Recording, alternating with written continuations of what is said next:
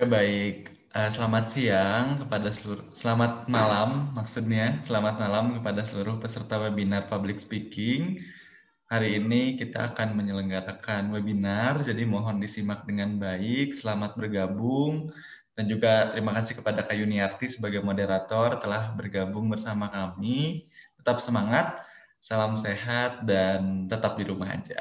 Nah, untuk selanjutnya kita akan membuka seminar ini webinar ini yang akan dibuka oleh moderator kita kepada Kak Yuniarti dipersilakan. Oke, terima kasih Kak Rohman. Uh, baik, saya ambil alih ya. Oke, bismillahirrahmanirrahim. Assalamualaikum warahmatullahi wabarakatuh. Selamat malam semuanya. Saya ucapkan terima kasih dan selamat datang kepada seluruh peserta seminar meningkatkan kegemaran membaca untuk meng untuk mengasah public speaking. Terima kasih sudah mendaftar dan ikut berpartisipasi pada acara webinar kali ini. Mudah-mudahan pada acara kali ini kita bisa menambah wawasan dan ilmu pengetahuan. Oke, sebelumnya perkenalkan kembali nama saya Yuniarti. Saya eh, mahasiswa mahasiswi maksudnya di Universitas Pajajaran, jurusan Sastra Arab, eh, Fakultas Ilmu Budaya. Oke, eh, agar kita tidak berlama-lama ya eh, untuk selanjutnya yaitu pembacaan CV pemateri. Nah, mungkin untuk teman-teman semua nih udah nggak asing lagi siapa pemateri kita pada hari ini. Karena eh, setiap minggunya eh, kita semuanya dari penggerak bangsa mengadakan webinar di eh, Instagram itu. Posternya kita sharing-sharing di Instagram. Oke, tolong kakak host untuk dibantu eh, menampilkan CV pemateri kita kali ini. Ya, sebentar ya Kak Yuniarti masih dalam proses. Oke.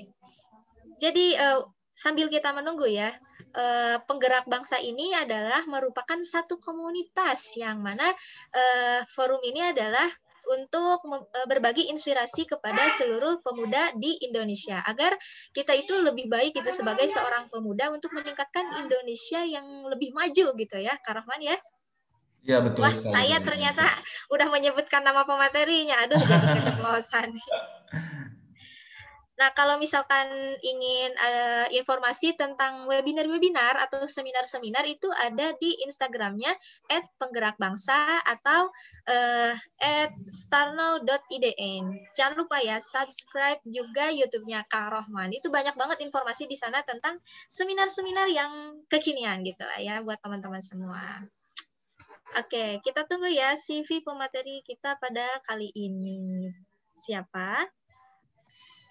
Oke, masih loading kayak ini arti jadi. Masih loading atau nggak apa-apa nggak usah ditampilin aja CV-nya karena saya sudah hafal eh. Iya nggak apa boleh boleh. Oke, beliau ini adalah seorang laki-laki yang sedang menempuh pendidikan di Universitas Pajajaran, uh, jurusan ilmu keperawatan Nah, angkatan 2017, usianya masih sangat muda. Eh, uh, 21 tahun. Ya, betul ya? Betul, betul, 21 betul. tahun. 21 tahun. Nah, Selain menjadi seorang mahasiswa, beliau ini sangat aktif di organisasi dan kemarin sempat e, menjabat sebagai ketua Badan Eksekutif Mahasiswa Fakultas Keperawatan. Nah, alhamdulillah nih sekarang sudah demis ya? Ya, sudah selesai. Oke. Nah, selain aktif nih, beliau juga sangat berprestasi dan sekarang uh, menjadi seorang duta baca di Provinsi Jawa Barat. Luar biasa. Oke, siapakah beliau ini? Yaitu Kak Rohman Hikmat. Halo, selamat Halo. malam Kak Rohman. Selamat malam Yuniarti. Apa kabar? Gimana kabarnya? Alhamdulillah sehat dan semoga selalu disehatkan ke depannya. Sehat. Amin. Kak Roman gimana kegiatannya lancar? Kegiatan sejauh ini alhamdulillah diberikan kelancaran oleh Allah dan semoga ke depannya juga terus diberikan kelancaran. Kayak Yuniarti gimana? Alhamdulillah sehat luar biasa tetap semangat dong meskipun iya. hari libur harus tetap semangat. Iya betul okay. sekali. Oke, Kak Rahman sudah siap untuk menyampaikan materi pada kali ini sharing-sharing gitu ya bersama pemuda-pemudi di Indonesia. Boleh sekali. Boleh langsung saya ambil alih ya Kak Yuniarti ya? Boleh, silahkan. Oke, terima kasih banyak Kak Yuniarti. Bismillahirrahmanirrahim. Assalamualaikum warahmatullahi wabarakatuh. Selamat malam teman-teman semuanya. Gimana hari ini? Apa kabar? Semoga selalu disehatkan di mana pun teman-teman berada. Dan juga teman-teman tetap stay di rumah aja. Jangan sampai teman-teman eh, beraktivitas di luar rumah mungkin ya kalau tidak mendesak karena ini terkait dengan terkait dengan kesehatan teman-teman juga dan juga kesehatan masyarakat lain atau di sekitar lingkungan kita. Jadi tetap sehat, tetap semangat, tetap produktif, jaga imunitas tubuh. Hari ini kita akan sama-sama diskusi bareng-bareng dan juga bahas bareng-bareng mengenai materi yang sangat cantik ya, karena temanya ini mengenai public speaking, yang mana public speaking ini tuh merupakan kemampuan yang sangat-sangat diperlukan dalam kehidupan kita. Tidak hanya satu profesi saja yang membutuhkan kemampuan public speaking, tapi seluruh profesi membutuhkan public kemampuan public speaking. Karena bicara tentang public speaking ini adalah tentang kemampuan kita komunikasi, juga komunikasi di depan umum. Dan pastinya profesi apa pun baik itu direktur, manajer, tukang cukur, terus juga pedagang dan banyak dan banyak profesi-profesi yang lain itu sangat-sangat membutuhkan kemampuan public speaking karena ada proses transaksi pesan di antar profesi tersebut. Ada proses di mana kita harus berbicara lalu juga bagaimana pesan yang kita bicarakan ini sampai kepada pendengar atau sampai kepada stakeholder kita Itulah kemampuan public speaking. Maka dari itu, mari kita sama-sama membangun kemampuan public speaking kita sebaik mungkin, karena melalui kemampuan tersebutlah kita bisa untuk menguasai dunia. Kita bisa untuk senantiasa berproses, berprogres, untuk menciptakan kebaikan-kebaikan baru melalui proses deliver pesan yang bisa kita berikan. Dan saya izin share, izin share screen terlebih dahulu untuk menampilkan PowerPoint. Oke.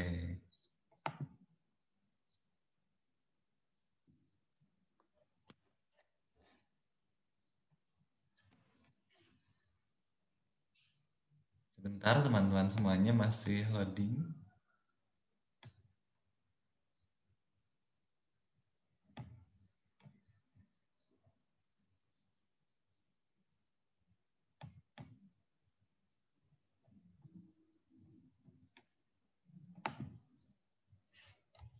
Kayu Niarti apakah sudah muncul?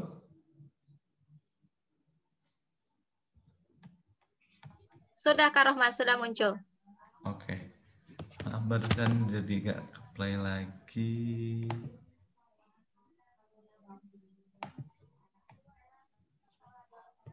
Oke. Okay.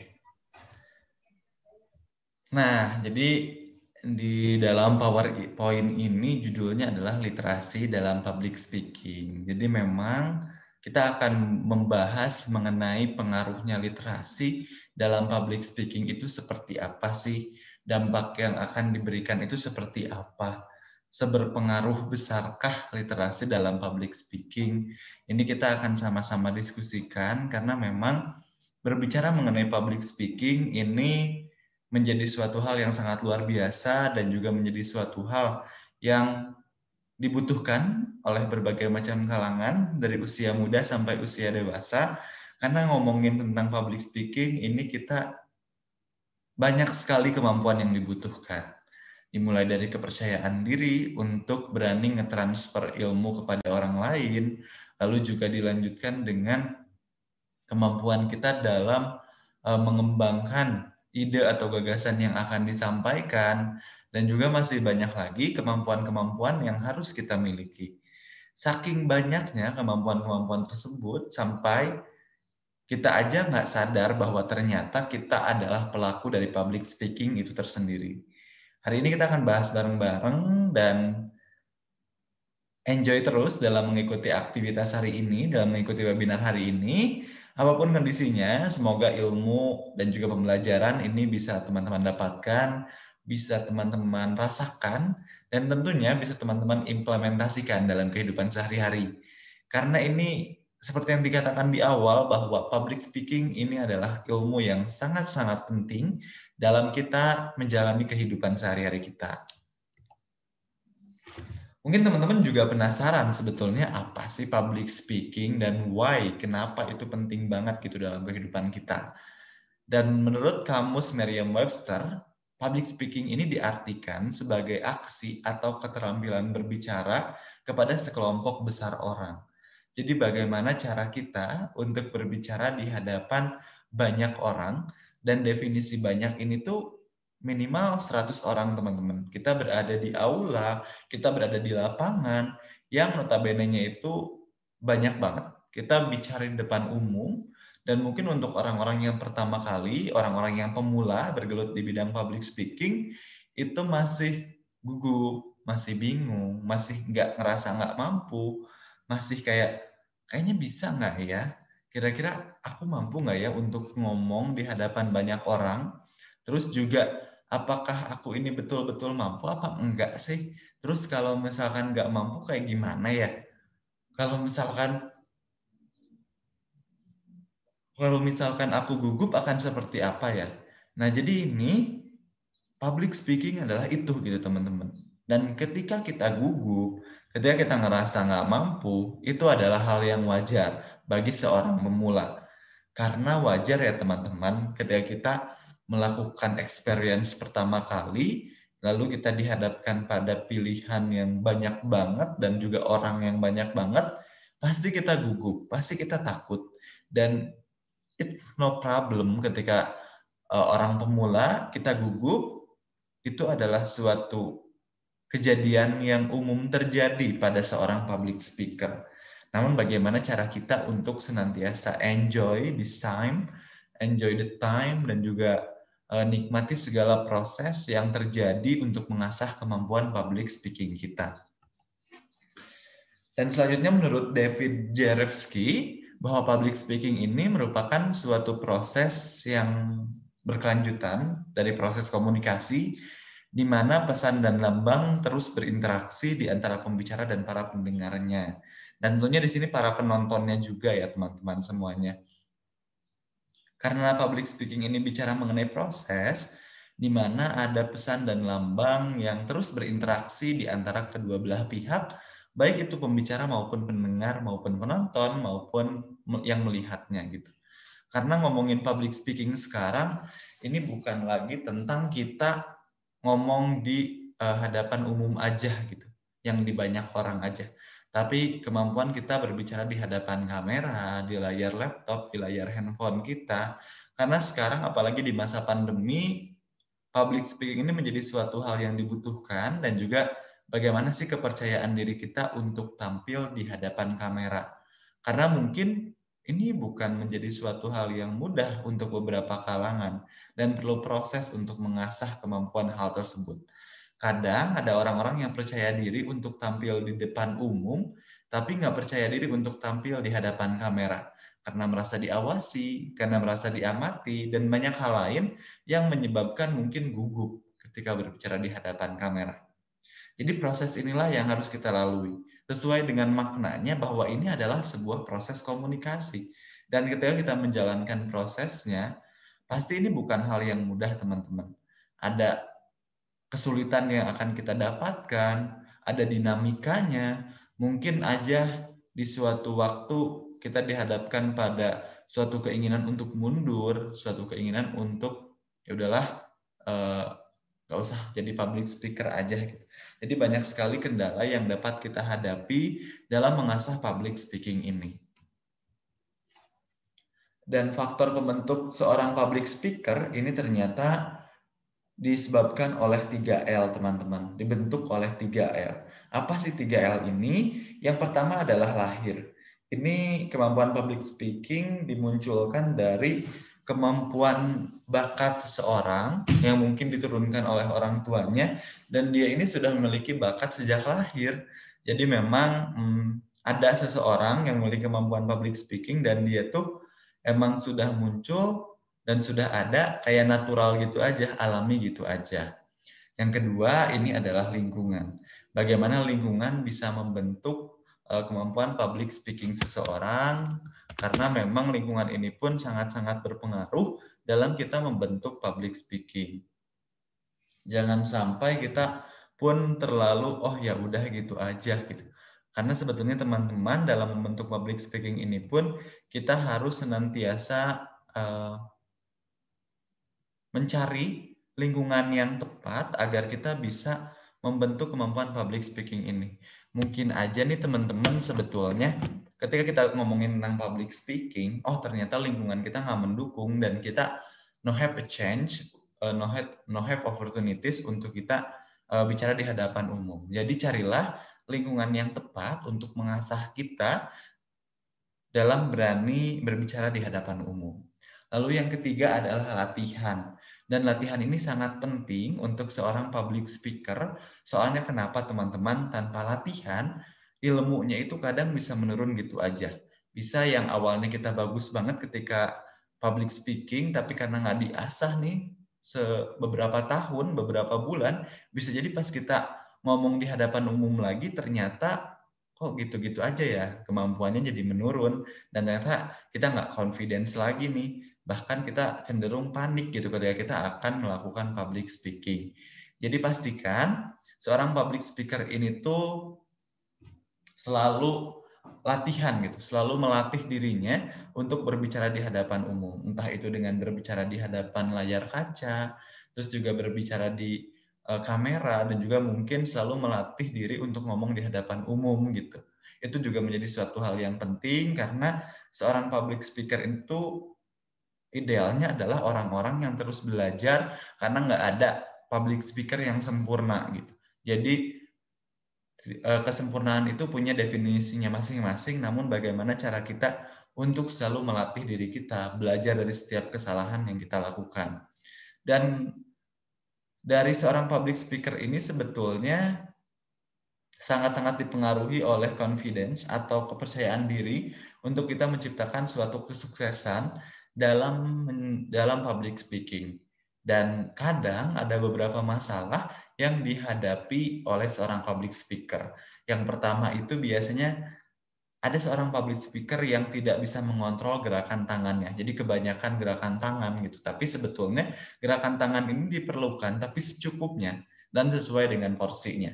Kapan kita harus uh, menggerakkan tangan kita ke arah sini, kapan kita harus menggerakkan tangan kita ke arah sini, kapan kita nggak perlu menggerakkan tangan kita. Terus yang kedua adalah talking too fast. Jadi kadang kita bicaranya itu kecepatan. Nah, ini juga menjadi jadi menjadi masalah seorang public speaker karena kadang untuk uh, bicara cepat ini disebabkan karena kita ingin cepat selesai dari materi yang disampaikan, entah itu karena ada kegiatan lain, entah itu karena kita takut materi yang udah kita persiapkan ini lupa. Jadi ngomongnya itu santai aja, nggak perlu keburu-buru, karena kan tujuan kita ini untuk ngedeliver pesan kepada orang lain.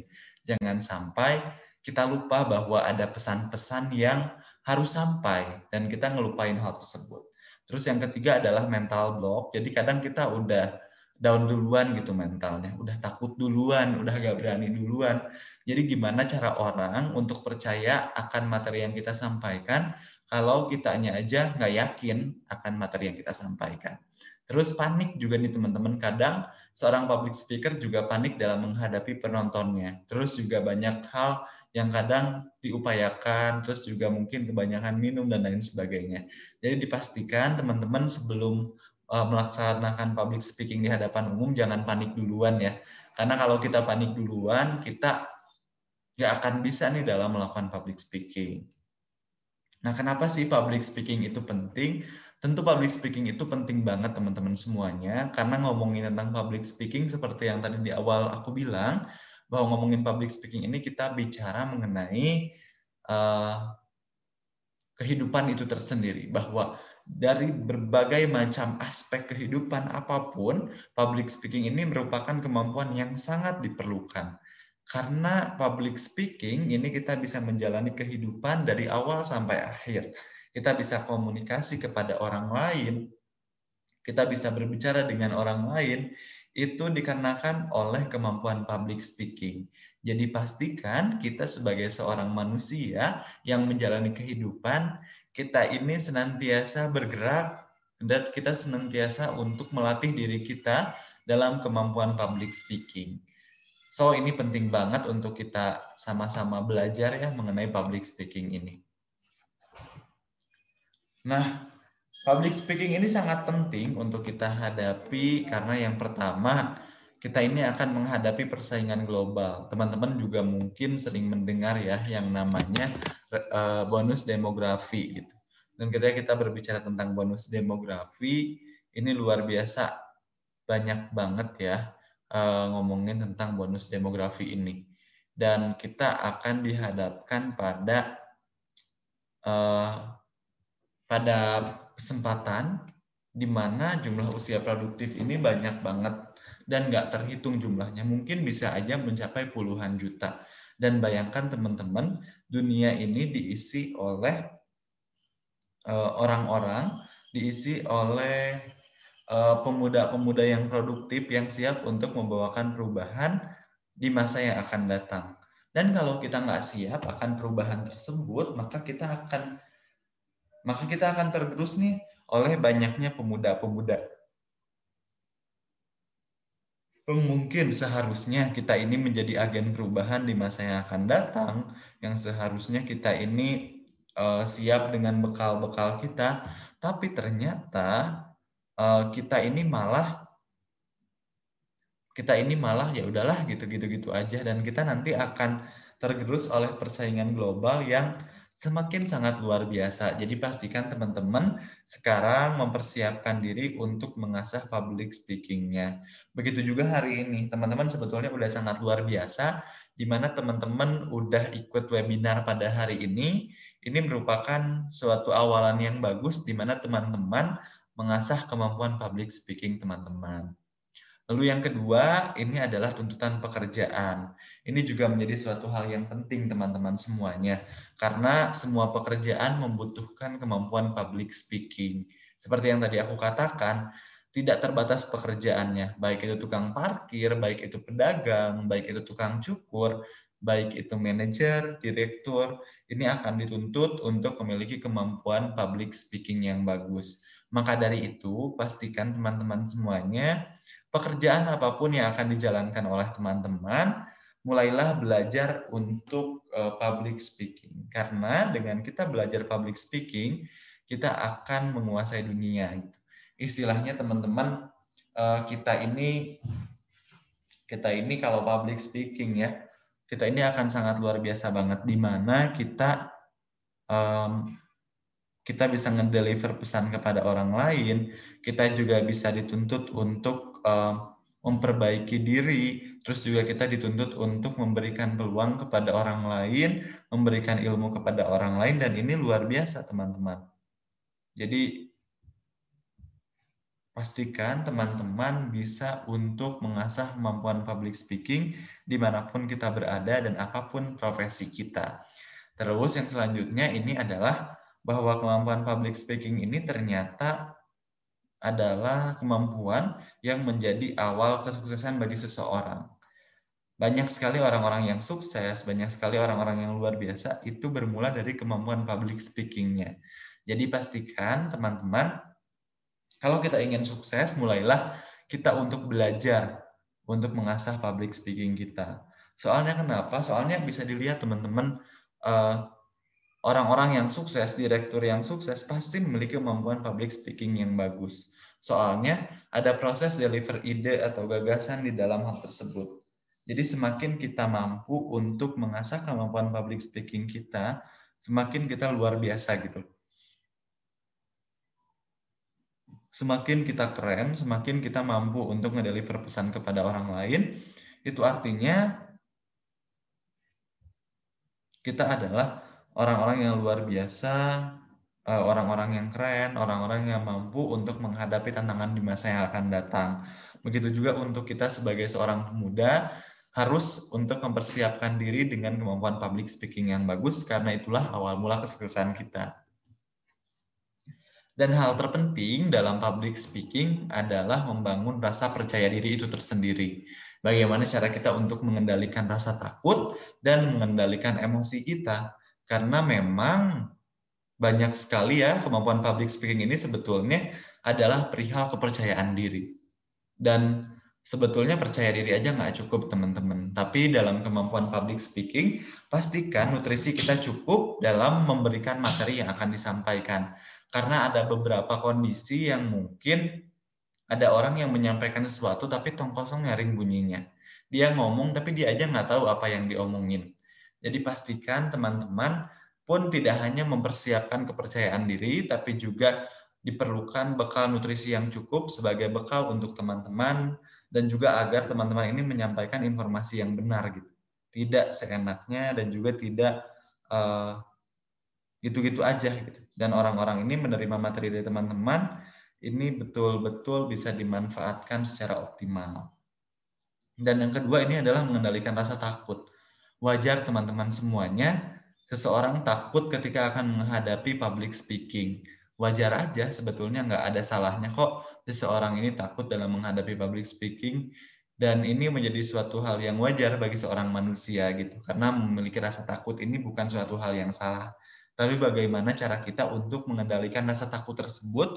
Bukan untuk berhenti memulai bukan untuk berhenti mencoba tapi bagaimana cara kita mengendalikan rasa takut tersebut sebagai suatu tantangan di mana kita harus mencoba suatu hal baru, kita mencoba untuk melakukan aktivitas dan itulah kita ambil pembelajarannya dari rasa takut tersebut apa sih yang bisa kita perbaiki, yang bisa kita asah kembali sebagai bekal untuk kita menghadapi tantangan selanjutnya. Lalu yang selanjutnya ini adalah mengendalikan emosi kita teman-teman dalam kita melaksanakan public speaking, mungkin ada konten-konten yang kita bahas, ada sesuatu yang kita ungkapkan, ini ternyata relatable banget sama kehidupan kita dan mungkin bisa aja menguras emosi kita. Nah, bagaimana caranya untuk kita mengendalikan emosi kita? Karena mungkin aja nih teman-teman dari apa yang kita sampaikan sebetulnya emosi negatif itu muncul dalam diri kita. Tapi itu bukan menjadi suatu alasan untuk kita terus-terusan berpegang teguh pada emosi negatif yang muncul. Tapi bagaimana cara kita tetap menunjukkan hal-hal positif kepada orang lain, bagaimana cara kita mengendalikan emosi kita agar tidak mudah terpengaruh oleh uh, emosi negatif kita sendiri. Jadi mulailah kendalikan emosi kita, mulailah kendalikan perilaku kita agar kita senantiasa membawakan public speaking kita sebaik mungkin. Dan ini adalah mitos atau fakta dalam kemampuan public speaking. Jadi mitosnya kemampuan public speaking merupakan bakat sejak lahir. Meskipun di awal kita bilang bahwa kemampuan public speaking ini fakta pembentuknya adalah uh, sudah ada terbentuk sejak lahir atau bakat, tapi nggak bisa dipungkiri teman-teman, ketika kita dilahirkan dengan kemampuan yang luar biasa, kita udah punya kemampuan public speaking dan itu bakatnya sejak lahir, tapi ketika kita tidak mengasahnya, ketika kita enggak uh, membentuknya, mengasah, melatihnya, bisa jadi kemampuan public speaking tersebut hilang atau malah uh, terkikis begitu aja. Jadi pastikan teman-teman untuk mulai mengasah kemampuan public speaking sebaik mungkin dan enggak ya udah kayak karena ngerasa itu udah bakat kita sejak lahir jadi kita stop untuk public speaking stop untuk latihan. Itu bukan contoh public speaker yang bagus. Jadi pastikan teman-teman sudah mengasah kemampuan public speaking sebaik mungkin dan selalu berlatih untuk hal tersebut. Karena itu mitos teman-teman.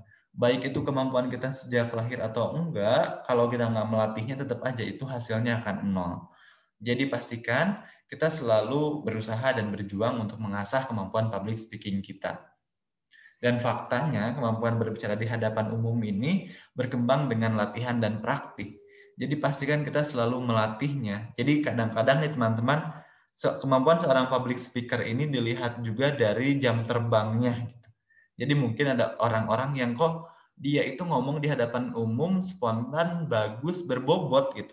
Karena mereka udah terlatih karena mereka udah terbiasa. Jadi jam terbang ini pun mempengaruhi kemampuan seorang untuk melakukan public speaking. Jadi teman-teman nih ketika ada tawaran berbicara di hadapan umum berani aja dulu. Ketika pun itu salah nggak apa-apa karena semakin kita ini jam terbangnya banyak maka itu akan menghasilkan kemampuan yang sangat luar biasa. Dengan kemampuan public speaking dan juga teman-teman selalu mengasahnya dengan baik, maka teman-teman nih itu akan sangat luar biasa dalam mengasah kemampuan public speaking-nya. Dan faktanya lagi teman-teman, yang menghalangi kemampuan public speaking adalah rasa gugup dan rasa takut. Jadi seperti yang tadi telah dikatakan di awal, pastikan kita mampu untuk mengendalikan rasa gugup serta rasa takut ini. Pasti rasa gugup dan rasa takut itu pasti muncul bagi seseorang public speaker gitu ya. Pasti muncul begitu aja. Tapi jangan sampai teman-teman e, ngerasa kalah, ngerasa gagal, ngerasa ingin berhenti akibat munculnya rasa gugup dan rasa takut karena itu adalah hal yang wajar terjadi bagi seorang public speaker dan no problem gitu ya kita mengalami rasa takut dan rasa gugup karena itu adalah hal yang wajar. Jadi jangan pernah berhenti berjuang, jangan pernah ngerasa kita ini gagal, jangan pernah ngerasa kita ini uh, jelek ketika kita mengalami rasa gugup dan rasa takut. Karena itu tuh ya udahlah toh manusia juga nggak ada yang sempurna kenapa kita harus mencari kesempurnaan gitu yang pasti kita harus tetap belajar kalau hari ini kita gugup semoga di minggu yang akan datang semoga ketika kita menjadi public speaking di next event di event selanjutnya ini kita nggak gugup lagi kita bisa lebih meminimalisir kegugupan dan ketakutan kita dan sebetulnya tujuan public speaking ini apa sih teman-teman? Jadi tujuan public speaking ini sebetulnya banyak banget ya dan aku rangkum menjadi tiga tujuan public speaking. Yang pertama itu to inform, ini untuk memberikan informasi. Jadi pastikan teman-teman seorang public speaker ini sebetulnya melakukan public speaking atas uh, beberapa tujuan untuk menginformasikan kayak contohnya nih misalkan seseorang uh, menginformasikan terkait dengan penggunaan masker yang baik itu seperti apa sih dan itu kan sebetulnya dari uh, dia dari seorang public speaker menyampaikan mengenai bagaimana cara penggunaan masker yang baik, ada informasi yang disampaikan gitu. Jadi bagaimana prosesnya agar informasi ini betul-betul sama persepsinya dengan uh, penonton atau pendengar. Jadi ini penting sekali juga nih untuk memastikan apakah betul-betul pendengar kita ini mendapatkan informasi yang sesuai atau ternyata terdapat perbedaan makna, terdapat perbedaan persepsi dari apa yang disampaikan. Jadi jangan sampai salah tangkap ya, teman-teman dari apa yang disampaikan dan juga apa yang ditangkap. Terus juga yang selanjutnya adalah to pursue. Ini juga untuk mengubah sikap atau pandangan seseorang. Jadi ketika kita menyampaikan informasi, pasti dong harapannya adalah uh, dia pun mempersepsikan bahwa ternyata penggunaan masker yang baik ini caranya sesuai dengan apa yang kita sampaikan. Jadi ini kan sudah mengubah sikap atau pandangan seseorang ya terhadap cara penggunaan masker yang baik. Gitu. Jadi pastikan teman-teman pun uh, mampu untuk mempersuasifkan omongan teman-teman agar mampu mengubah sikap atau pandangan setiap orang. Dan ketika sudah mencapai tahap ini, teman-teman sebetulnya sudah sangat luar biasa karena sudah berhasil mengubah persepsi seseorang uh, tentang apa yang kita sampaikan. Mungkin kalau sekedar informasi itu nggak akan melekat dalam diri setiap orang. Jadi kayak cuman kita nyampein sekarang, terus mereka ingat, terus mereka lupa. Jadi prosesnya cuman disampaikan, ingat, lupa.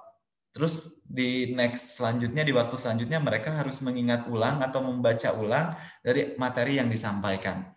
Terus yang kedua adalah mengubah sikap atau pandangan teman-teman.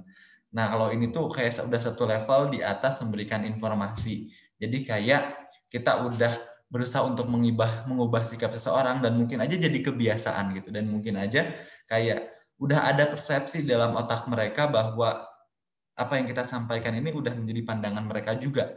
Terus yang ketiga adalah to mobilize, ini untuk mengubah atau membentuk perilaku seseorang. Jadi kayak itu udah menjadi kebiasaan seseorang dalam menggunakan masker yang baik dan ini adalah satu level di atas to pursue ya teman-teman. Jadi ini luar biasa banget ketika seseorang uh, mengubah dan membentuk perilaku akibat public speakingnya. Jadi banyak banget uh, hal yang disampaikan, terus juga banyak banget sesuatu yang disampaikan dan itu bisa mengubah perilaku seseorang. Jadi ini sangat luar biasa sekali dan pastikan teman-teman ketika udah di level ini itu adalah uh, kemampuan public speaking yang sangat luar biasa. Kakak Yuniarti, mohon maaf ini sepertinya uh, kendala jaringan di saya. Nanti saya share screen lagi sebentar terlebih dahulu.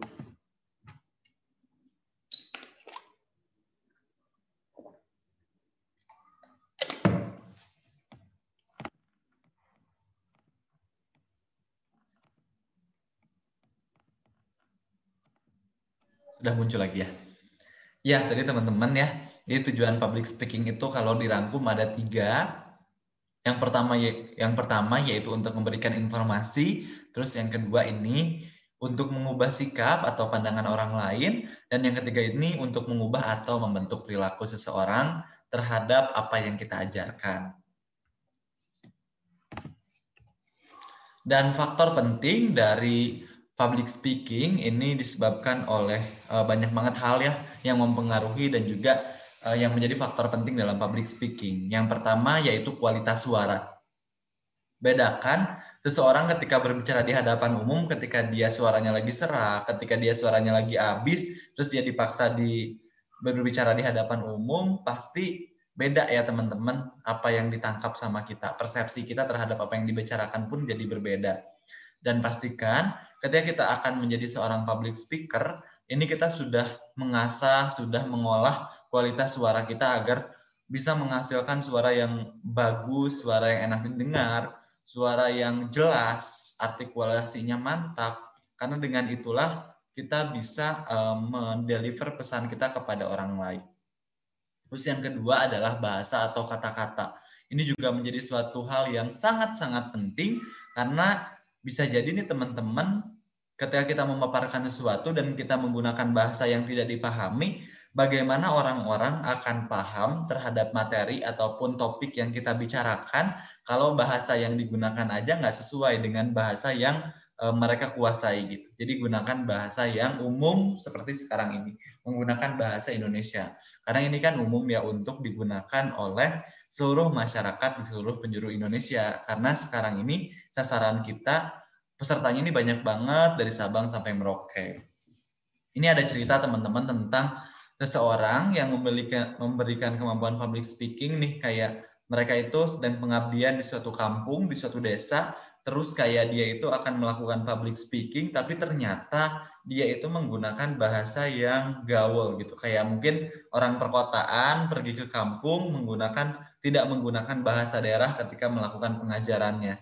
Jadi itu juga menjadi suatu kendala dan akan sulit diterima oleh audiens, oleh pendengar ketika kita tidak menggunakan bahasa yang sesuai dengan target dengan sasaran audiens kita. Jadi pastikan pahami terlebih dahulu audiens kita ini siapa sih? Lalu kira-kira bahasa yang biasa digunakan itu apa? Sampai kita pun bisa ngedeliver pesan secara baik, secara efektif, sesuai dengan bahasa yang biasa digunakan oleh uh, audiens kita.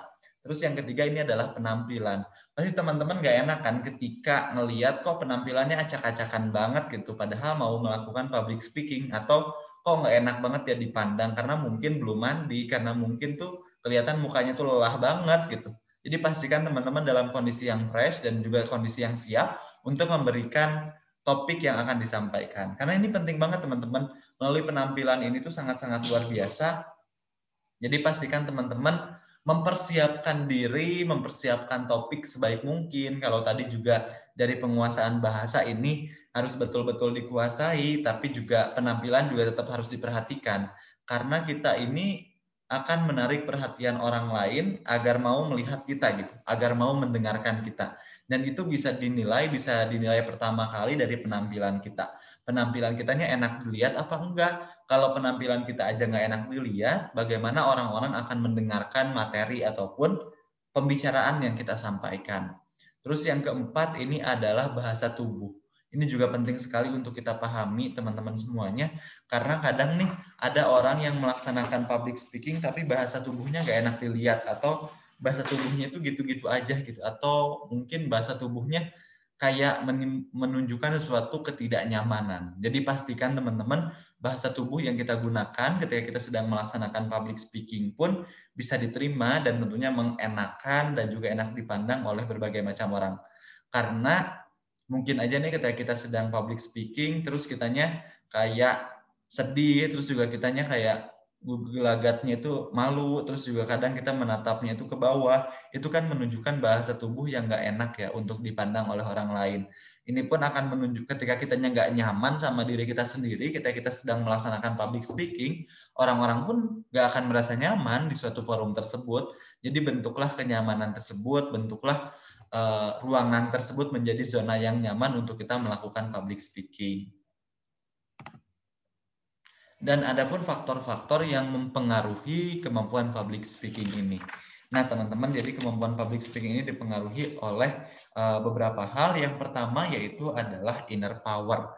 Ini juga sangat penting untuk kita miliki karena memang ketika kita sudah punya inner power ini sangat luar biasa banget. Nah, teman-teman pernah nggak sih uh, ketemu sama seorang public speaker nih, teman-teman, ataupun ketika ketemu dengan penyanyi nih, Raisa misalkan Raisa aja tuh ketika baru naik ke atas panggung, bahkan mungkin ketika baru naik tangganya aja mau ke atas panggung, orang-orang tuh udah terkesima duluan, orang-orang tuh udah tepuk tangan duluan karena Raisa gitu. Atau teman-teman juga pernah nggak sih ketemu seorang public speaker ketika dia baru bilang halo atau ketika dia mengucapkan salam, selamat pagi, selamat siang, selamat malam, itu tepuk tangan gemuruh udah luar biasa banyak banget dari pengunjung, dari penonton, dari pendengar. Atau langsung kayak udah mau memperhatikan udah siap-siap, udah nyiapin buku gitu. Jadi ternyata inner power ini udah banyak banget dimiliki itu. Dan inner power ini terdiri dari apa aja sih teman-teman? Inner power ini terdiri dari yang pertama yaitu emotional power. Bagaimana cara kita meregulasi emosi kita sebaik mungkin. Karena ini akan luar biasa berpengaruh banget nih emosi kita. Bagaimana cara kita mengolah emosi sebaik mungkin agar kita betul-betul mampu uh, mentransfer knowledge kita kepada orang lain, mentransfer informasi kita kepada orang lain. Yang kedua adalah mental power. Pasti mental power ini dalam kita melakukan public speaking ada suatu kesempatan gagal, kesempatan gugup, kesempatan dikomen sama pendengar, dikomen sama penyelenggara karena mungkin penyampaian kita kurang enak atau ya gitulah kurang bagus gitu terus dikomen sama orang lain. Nah, itu no problem teman-teman. Ketika kita gagal, kita harus bangkit lagi. Ketika gagal, kita harus bangkit lagi.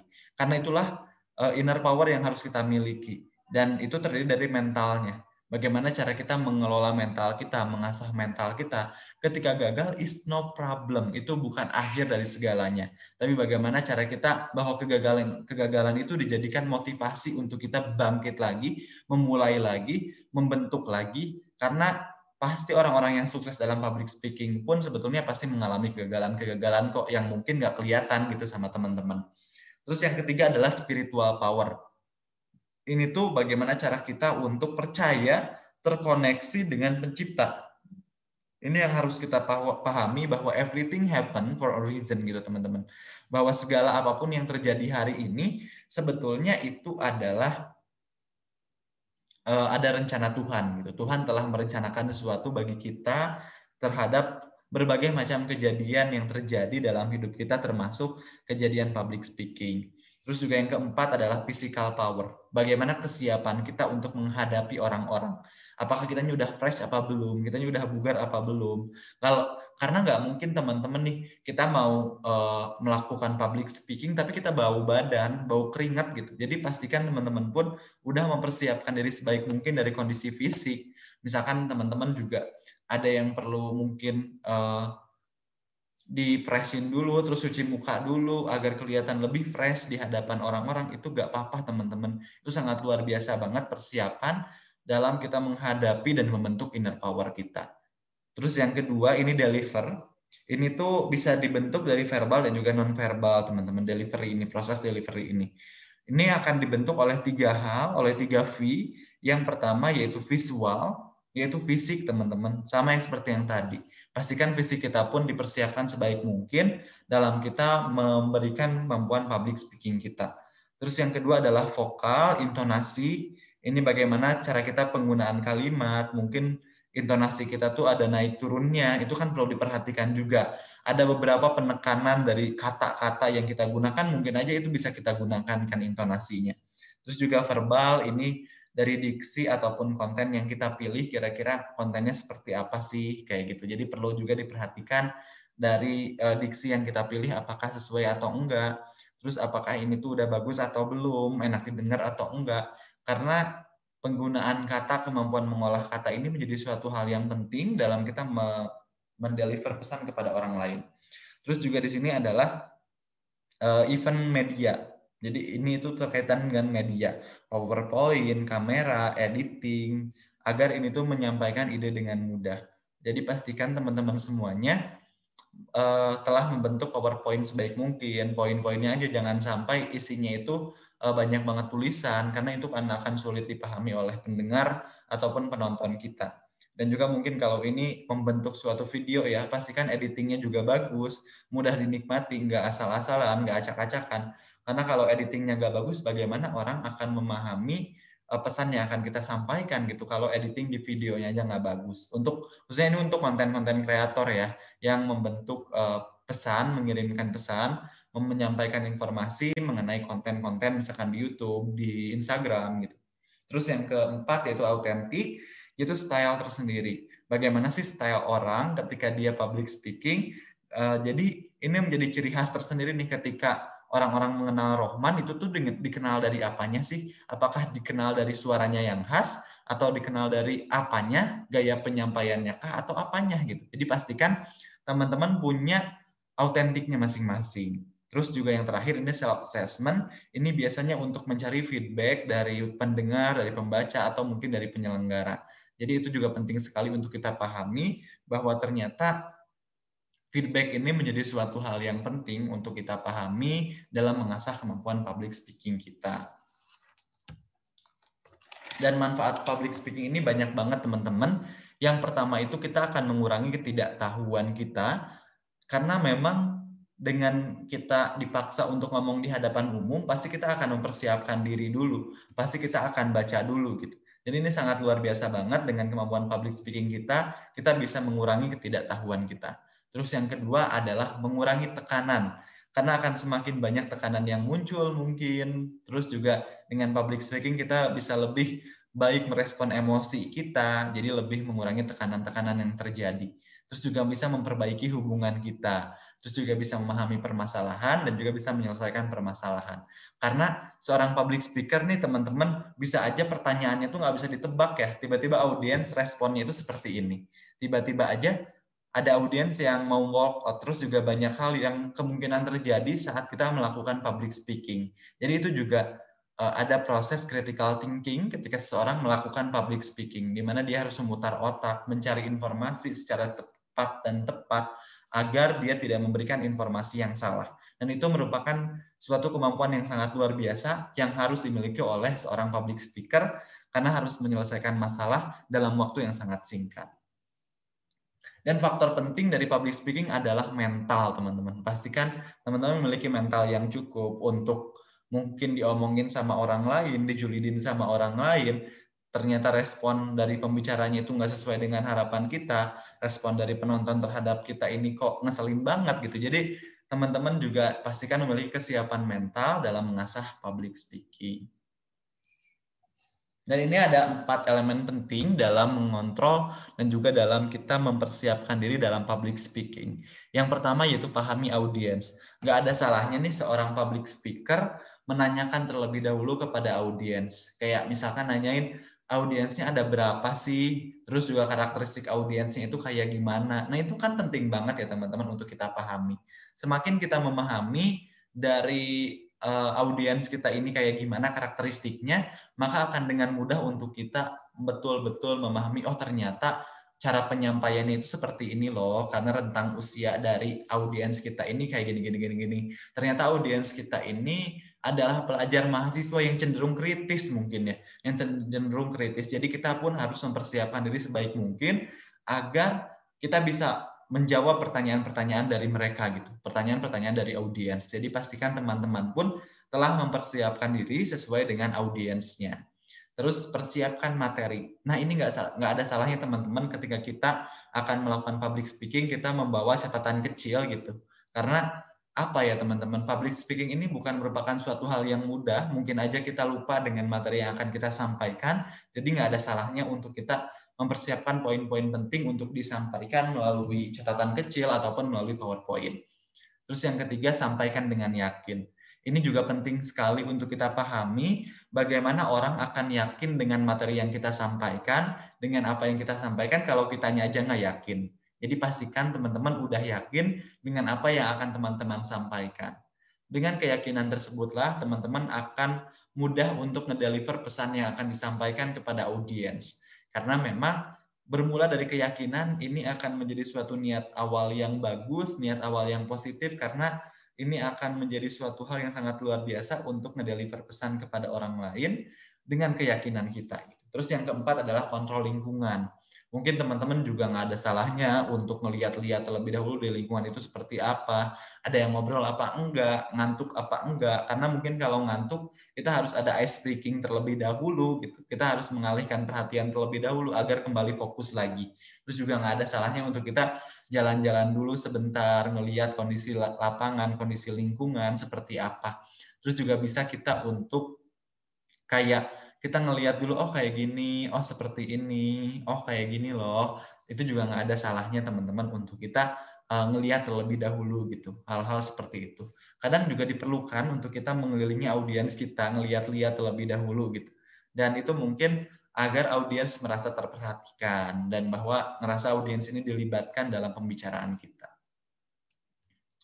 Dan ini ada hal-hal yang harus diperhatikan dalam public speaking, yaitu yang pertama ekspresi dan tersenyum. Ini juga penting sekali teman-teman. Jadi bagaimana cara kita menunjukkan sisi ramah kita agar mudah untuk uh, materi yang disampaikan ini mudah untuk diterima oleh orang lain gitu melalui keramahan yang kita berikan. Terus juga yang kedua adalah postur yang baik. Jadi kan nggak enak ya ketika kita melihat public speaker itu membungkuk gitu, itu nggak percaya diri dan lain sebagainya. Jadi pastikan teman-teman pun sudah mempersiapkan postur sebaik mungkin, fisik sebaik mungkin dalam mengasah public speaking. Terus yang ketiga adalah profesional.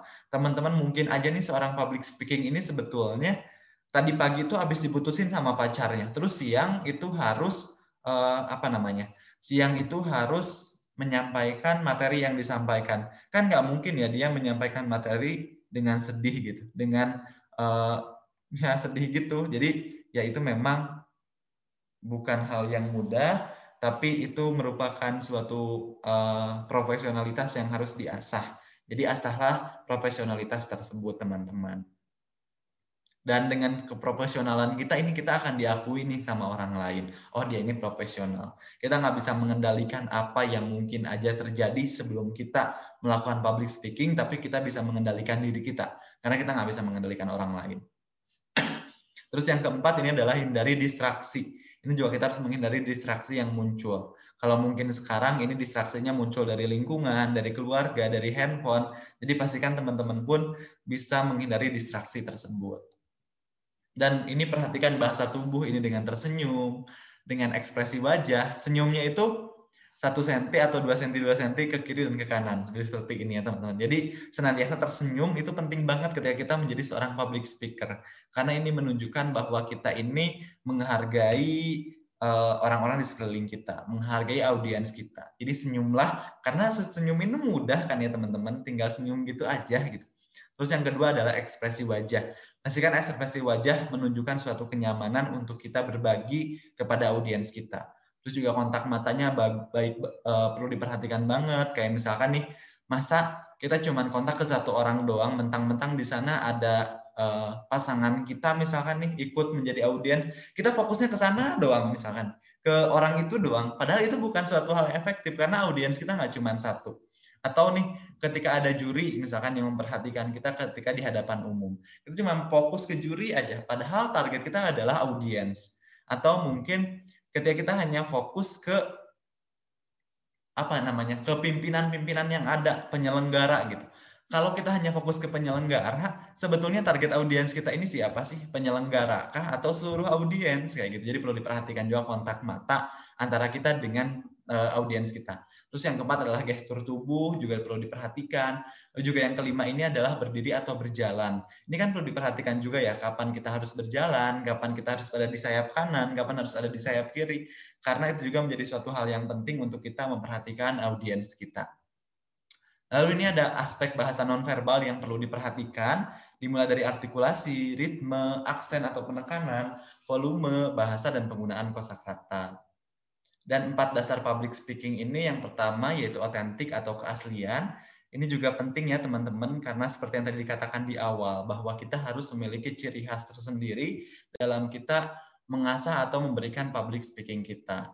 Dan yang kedua, sempurna itu nggak wajib. Setiap manusia pasti melaksanakan kesalahan, khususnya dalam kita menjalankan public speaking. Dan itu hal yang wajar kok teman-teman ketika kita melakukan kesalahan gitu. Tapi bagaimana cara kita ketika menyadari ada saran dari orang lain, ada kritik dari orang lain itu adalah suatu hal yang harus kita perbaiki. Bukan untuk kita berhenti, bukan untuk kita merasa gagal, tapi itu menjadi suatu batu lompatan untuk kita memperbaiki diri kita lebih baik lagi. Agar ke depannya public speaking kita lebih mantap dan lebih oke okay lagi. Yang selanjutnya adalah visualisasi dimulai dari diri kita, dari penampilan itu seperti apa, dan juga dari PowerPoint yang kita gunakan, menarik apa enggak sih? Apakah ternyata penampilan dari PowerPoint aja nggak menarik sehingga orang-orang malas untuk melihat PowerPoint kita.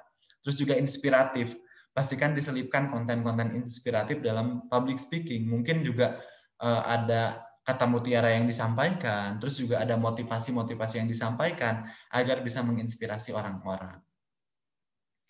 Dan pentingnya literasi dalam public speaking ini luar biasa banyak banget teman-teman.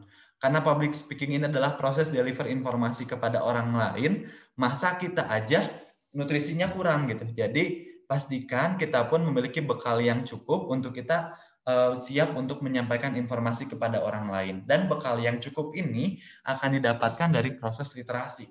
Karena memang literasi ini luar biasa penting sekali untuk kita mengasah uh, ilmu dan kemampuan kita. Jadi pastikan eh, teman-teman sudah mengasah kemampuan public speaking dengan baik dengan mempersiapkan diri dengan berliterasi. Orang yang literat itu biasanya lebih mudah untuk berbicara di hadapan umum karena dia tahu apa yang akan disampaikan. Istilahnya teman-teman pun uh, kalau mau bicara mengenai critical thinking misalkan, teman-teman perlu dulu nyari tahu terlebih dahulu informasi mengenai critical thinking. Critical thinking itu apa sih? Bagaimana cara kita mengasah kemampuan berpikir kritis kita? Jadi teman-teman udah ada nutrisi, asupan nutrisi yang banyak nih di kepala kita. Terus ketika teman-teman udah tahu, ketika teman-teman udah membaca, jadi teman-teman udah banyak informasinya, tinggal bagaimana teman-teman mengolahnya menjadi suatu uh, diksi kata yang enak untuk didengar agar mampu sampai kepada audiens kita. Jadi penting banget ya teman-teman ya untuk membekali diri kita dengan wawasan dan bekal yang cukup agar kita mampu dalam melakukan public speaking. Nah, apa saja sih hubungannya uh, dalam kita menjalankan public speaking, yang pertama itu adalah memahami materi. Ini juga penting banget kan ya teman-teman dalam kita memahami materi yang akan disampaikan. Bagaimana cara kita akan uh, paham akan materi yang akan disampaikan kalau kita nggak baca terlebih dahulu.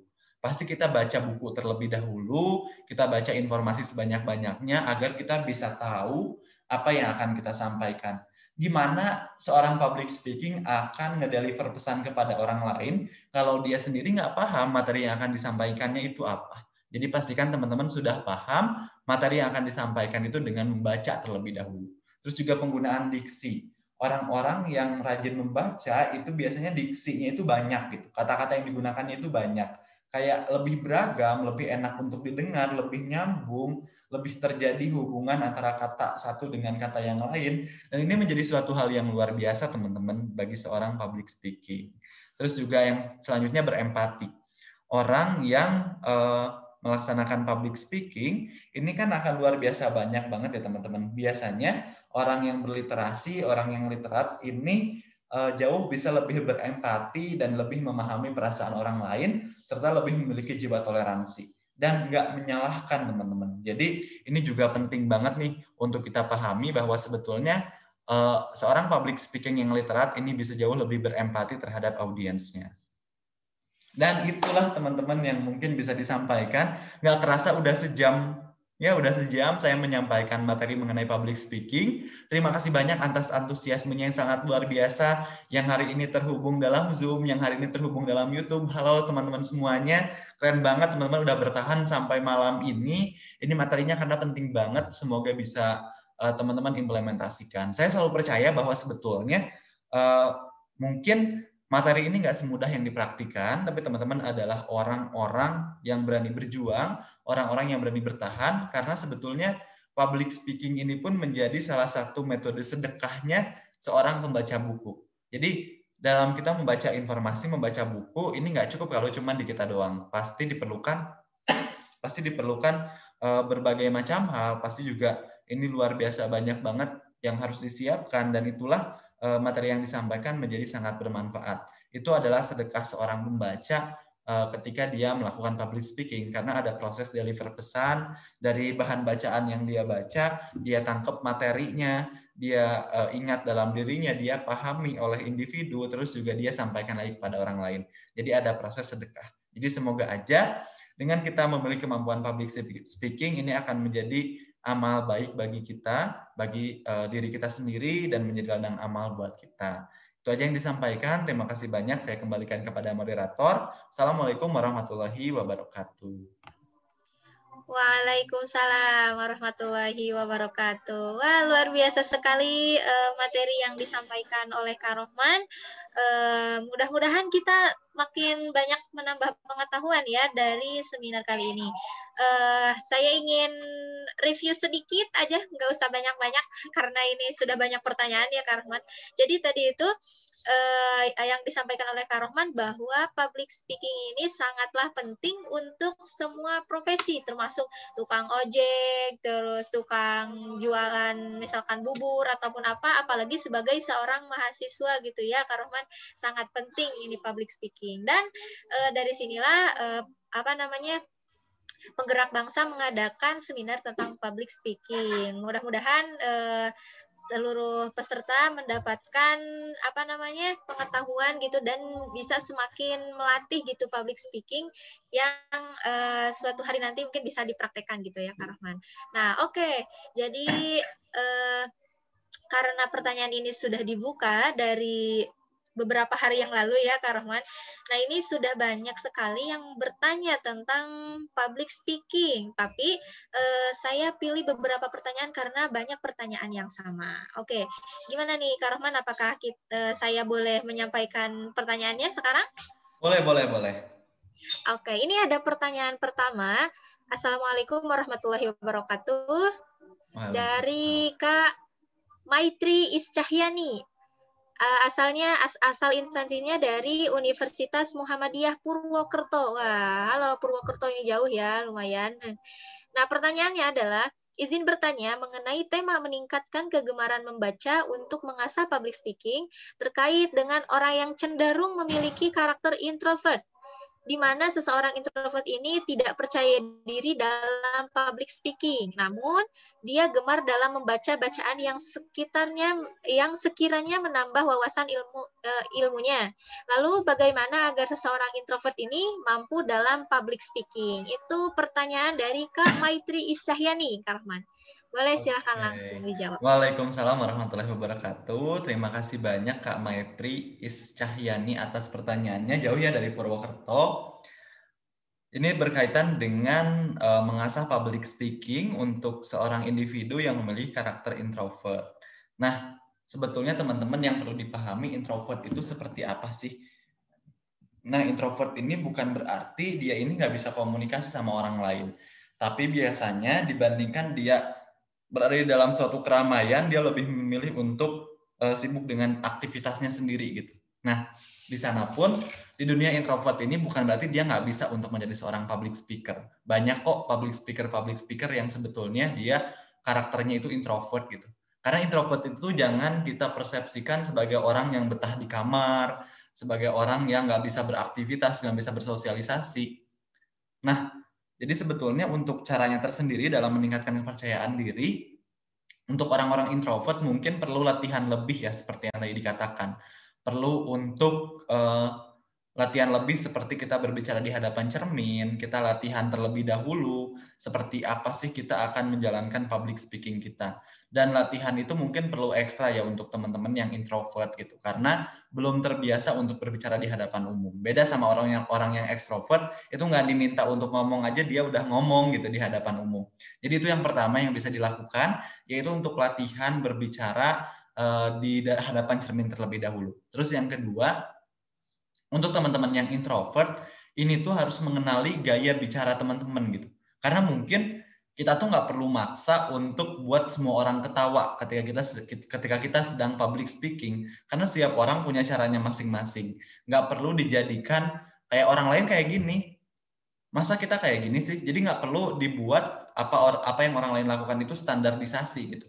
Karena kita punya caranya masing-masing untuk encourage orang-orang untuk masuk dalam topik pembicaraan kita gitu. jadi pastikan teman-teman nggak perlu membandingkan diri dengan orang lain karena teman-teman punya cara tersendiri. Jadi itu dulu dua hal yang harus diyakini sebagai seseorang yang introvert yang akan menjalankan kemampuan public speaking. Lalu yang ketiga seperti yang tadi telah disampaikan, sebetulnya untuk mengasah kemampuan kepercayaan diri ini perlu latih bukan perlu latihan ya, perlu jam terbang gitu. Jadi teman-teman ketika ada tawaran untuk mengisi mungkin di suatu seminar, untuk menjadi MC, untuk menjadi moderator, meskipun meskipun teman-teman adalah orang yang introvert nggak apa-apa untuk dicoba dulu aja. Karena kita nggak akan pernah tahu hal yang akan selanjutnya terjadi seperti apa. Kalau kita nggak berani memulai apa sih yang akan kejadian gitu. Jadi coba aja dulu nanti juga ketika teman-teman udah jam terbangnya udah banyak itu teman-teman udah akan terbiasa gitu dalam menjalankan public speaking ini seperti itu Kak Yuniarti semoga menjawab Kak Maitri Oke, terima kasih Kak Rohman atas jawabannya. Luar biasa sekali. Uh, memang benar ya, uh, untuk menjadi seorang public speaking, uh, meskipun kita memiliki apa namanya sifat yang introvert itu harus banyak dilatih. Uh, yang tadi kata Kak Rohman bilang bahwa kenali diri sendiri dan jangan pernah bandingkan diri kita dengan orang lain karena itu makin uh, apa sih semakin membuat kita itu nggak mau gitu untuk berbicara de, uh, di depan orang banyak gitu. Uh, saya juga pernah lihat podcastnya apa ya bukan podcast uh, videonya mau di Ayunda. Bahwasanya dia juga adalah seorang yang introvert tapi luar biasa ya karena mungkin sering apa namanya latihan terus uh, berani untuk mencoba itu sih yang yang hal hal yang paling penting. Jadi memang harus banyak latihan untuk menjadi seorang public speaking. Nah Kak Rohman, ini ada pertanyaan selanjutnya nih dari Kak Sonia Rafika Devi dari Uin Imam Bonjol Padang. Wah jauh Padang nih ada rendangnya kali ya enak enak malam-malam makan Padang gitu nasi Padang. Eh. Oke. Pertanyaannya adalah apakah cara mengasah public speaking itu harus di lapangan? Kalau misalkan iya, bagaimana bagi pemula yang mungkin belum punya pengalaman di lapangan? Terima kasih, katanya Kak Rahman. Seperti itu. Silahkan, Kak Rahman. Oke, terima kasih banyak atas pertanyaannya. Tadi namanya siapa? Kak uh, Sonia. Oh iya, terima kasih banyak Kak Sonia atas pertanyaannya. Jadi memang pasti nih untuk kita sebagai pemula itu tuh belum punya jam terbang, belum belum punya belum punya lapangan gitu untuk kita ini uh, memulai public speaking kita gitu. Memang sih pasti sulit untuk kita mencoba mencari lapangan. Tapi yang paling penting untuk dihadapi ketika kita belum punya lapangan, belum pernah terjun ke lapangan, adalah it's no problem ketika kita melakukan kesalahan dalam pertama kali public speaking. Setiap orang pun pasti pernah kok melakukan kesalahan dalam public speaking, apalagi orang yang pertama kali. Pasti gugup-gugup terus kayak kayak gini, misalkan gemeter ketika kita pertama kali public speaking ini udah menjadi hal yang biasa sebetulnya dialami oleh seorang public speaker dan itu bukan suatu hal yang menakutkan banget kok teman-teman. Hanya perlu belajar lagi berjuang lagi. Jadi yang pertama sama sarannya yaitu kita harus latihan melatih diri kita. Jadi uh, pertama itu nih teman-teman mempersiapkan diri terlebih dahulu. Kayak teman-teman nih mau misalkan mencoba memaparkan mengenai uh, apa ya mengenai menumbuhkan kepercayaan diri misalkan. Bukan deh bukan itu. Mengenai meningkatkan kegemaran membaca. Nah teman-teman akan mencari informasi terlebih dahulu kan ya mengenai uh, kegemaran membaca itu seperti apa. Teman-teman misalkan menggunakan media PowerPoint, poster ataupun apa gitu sistem atau metodenya, teman-teman cari terlebih dahulu media yang tepat. Terus abis itu teman-teman juga uh, setelah teman-teman itu punya medianya, teman-teman harus latihan terlebih dahulu nih. Coba presentasikan, coba paparkan, coba latihan kepada teman kita, kepada orang-orang yang ada di sekeliling kita. Mungkin bisa ke orang tua kita, ke kakak kita, ke adik kita. Jadi latihan dulu. Terus tanyain kira-kira ini gimana tadi presentasi yang disampaikan, apakah sudah bagus atau belum, menarik atau belum, ada yang kurang nggak, minta evaluasi. Jadi latihan itu penting teman-teman, jangan sampai kita ngerasa terlalu udah ah gimana besok aja gitu. Tapi besok itu harus seperti apa. Jadi kita harus mempersiapkan diri kita sebaik mungkin. Itu yang pertama. Terus yang kedua, ini teman-teman bagi seorang pemula yang akan terjun ke lapangan, coba teman-teman cari mentor terlebih dahulu. Cari mentor dalam hal ini mungkin adalah orang-orang yang berpengalaman dalam bidang public speaking. Kita cari ini gali informasi sebanyak-banyaknya. Seperti apa sih orang-orang ini dalam menjalankan public speaking? Kok bisa keren banget ya? Mereka itu tips and triknya seperti apa sih? Minta saran dari mereka. Cari ilmu sebanyak-banyaknya dari mereka. Karena dengan kita mendapatkan ilmu dari mereka, ini akan menjadi suatu pengalaman yang sangat luar biasa gitu. Yang mungkin tidak bisa kita dapatkan dari orang lain. Karena mungkin itulah mentor uh, tugas mentor yang sesungguhnya dan mentornya pun biasanya seneng kok untuk diminta ilmunya jadi jangan jangan ngerasa cukup dengan apa yang kita miliki hari ini cari informasi sebanyak-banyaknya dari mentor kita. Jadi cari juga mentornya nih. Terus yang ketiga ini teman-teman luar biasa banget nih dengan Kak Sonia mengikuti webinar public speaking pada hari ini ini sudah menjadi pengalaman yang sangat luar biasa menjadi pengalaman yang keren banget gitu dalam teman-teman melakukan public speaking. Karena melalui hal tersebutlah teman-teman uh, udah satu step, satu langkah awal dibandingkan dengan teman-teman yang lain. Ini udah menjadi pengalaman dan juga step yang luar biasa karena teman-teman udah nyari informasi lebih awal. Mungkin ada orang-orang yang sebetulnya sama seperti di posisi Kasonia, tapi nggak mau nyari informasi gitu. Nggak mau nyari hal yang bisa mendukungnya dalam public speaking. Jadi udah keren banget. Terima kasih banyak udah mengikuti webinar pada hari ini. Semoga ilmu yang bermanfaat dan bisa diimplementasikan dalam kehidupan sehari-hari. Lalu yang keempat, ini teman-teman cari lingkungan yang tepat. Mungkin dengan mengikuti eskul eh, yang ada latihan public speakingnya, misalkan ada protokoler, terus juga ada debat dan lain sebagainya yang sesuai dengan passion teman-teman. Jadi pastikan dalam mengasah public speaking ini teman-teman pun mengikuti mencari lingkungan yang tepat gitu. Jangan sampai kita malah ya udahlah stay di sana-sana aja padahal bukan lingkungan yang tepat untuk mengasah public speaking. Seperti itu Kak Yuniarti jawabannya. Semoga menjawab dan juga semoga mencari informasi lebih banyak lagi mengenai public speaking ini. Oke, terima kasih Kak Rohman atas jawabannya. Jadi ya Kak Sonia tadi kalau misalkan kita itu uh, harus ada persiapan kalau misalkan kita diundang ke satu acara untuk menjadi seorang uh, pembicara, pemateri gitu. Karena uh, saya pernah ini apa namanya mendapatkan beberapa kata-kata dari guru saya bahwasanya kalau misalkan kita itu naik panggung ini tanpa persiapan ya siap-siap turun tanpa penghormatan gitu. Jadi emang benar-benar nih harus persiapan nih. Apalagi nih Kak Rohman eh, kita ini kan webinar di apa namanya diikuti oleh 2000 sampai 3000 peserta ya gitu ya. Sangat banyak sekali luar biasa. Nah, eh, Kak Rohman eh, mendapat apa namanya? Ini kesempatan untuk bertanyanya berapa orang lagi? Boleh tiga orang lagi Kak Yuniarti. Oke, tiga orang lagi ini. Oke, selanjutnya pertanyaan ketiga nih ya. Dari Muh Ih Muh Ahsan. Asal instansinya dari Institut Agama Islam Negeri Parepare. Wah, jauh ya, luar biasa. Halo Parepare.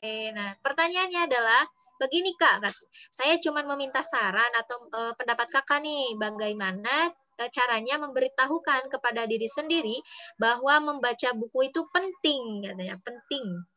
Kemudian apakah hanya dengan membaca buku kita bisa mengembangkan public speaking kita? Nah bagaimana nih Kak Rohman? Terima kasih. Oke silahkan Kak Rohman. Boleh langsung dijawab. Oke, terima kasih banyak Kak Hasan dari Pare-Pare ya atas pertanyaannya yang sangat luar biasa.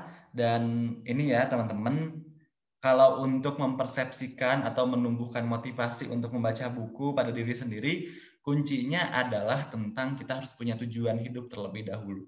Jadi teman-teman harus mencantumkan tujuan hidup teman-teman itu apa.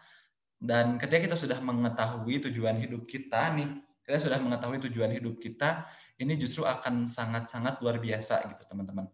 Karena dengan kita mengetahui tujuan hidup, maka kita akan tahu nih step by step dalam mencapai tujuan hidup kita ini akan seperti apa. Istilahnya seperti ini. Dengan kita mengetahui tujuan hidup kita, dengan kita uh, menyadari tujuan hidup kita apa, kita akan menuliskan langkah-langkah untuk mencapai tujuan hidup itu seperti apa. Nah, ketika itu sudah mengetahui ini misalkan langkahnya adalah dengan kita mengikuti organisasi. Kita pasti cari tahu dulu kan membaca terlebih dahulu informasi-informasi mengenai organisasi tersebut, informasi-informasi mengenai langkah-langkah tersebut. Jadi dengan kita memiliki tujuan, kita udah tahu step by stepnya seperti apa, kita akan mencari informasi seputar step by step tersebut, seputar tujuan hidup tersebut. Jadi ini merupakan langkah awal yang sebetulnya kadang sering dilupain gitu. Coba tanya untuk orang-orang yang kadang hidupnya tuh kayak gitu-gitu aja. Dia tujuan hidupnya apa sih? Ke depannya dia akan menjadi apa? Cita-cita dia itu apa? Lalu langkah-langkah yang dilakukan untuk mencapai tujuan hidup dia itu seperti apa sih? Nah ini kan kadang orang-orang yang mungkin kelihatannya tuh kayak main mulu, terus kayak kok kayak nggak punya tujuan hidup. Nah itu teman-teman. Jadi pastikan terlebih dahulu kita tahu tujuan hidup kita ini apa. Karena tadi udah dijelaskan juga ya teman-teman.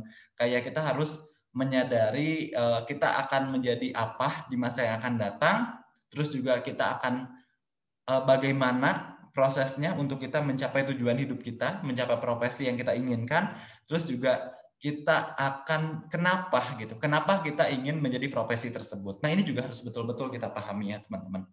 Dengan kita mengetahui ketiga hal tersebut, kita bisa menjawab pertanyaan tersebut, maka langkah awal yang bisa dijalankan adalah kita membaca buku. Jadi pastikan, niatkan membaca buku ini adalah untuk mencapai tujuan hidup kita. Istilahnya kalau kita udah punya niatan atau udah punya tujuan, pasti ada keinginan untuk menjalankan agar tujuan tersebut tercapai.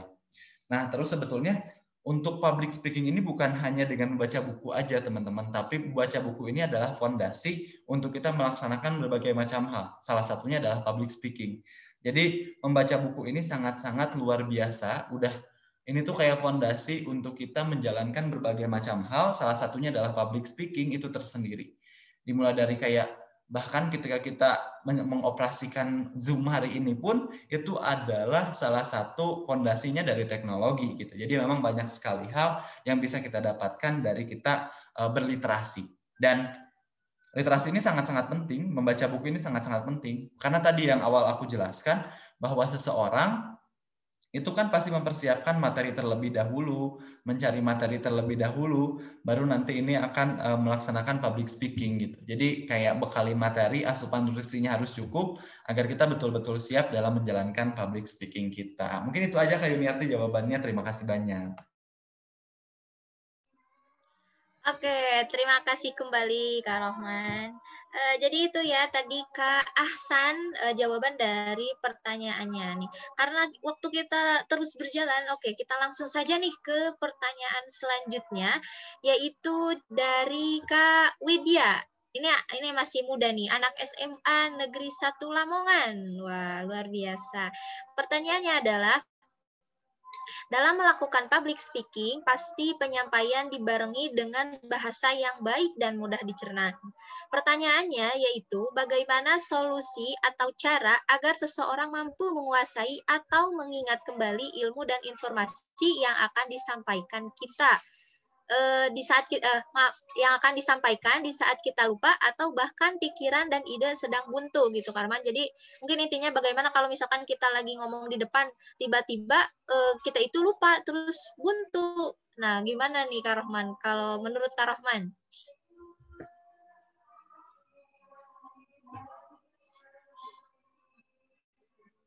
Kak Rohman, uh, itunya apa? Ya, nah, betul. Oke, uh, baik terima kasih banyak atas pertanyaannya. Tadi Kak yang dari SMA ya? Ya, Kak Widya. Kak Widya ya, Kak Widya terima kasih banyak atas pertanyaannya, keren banget.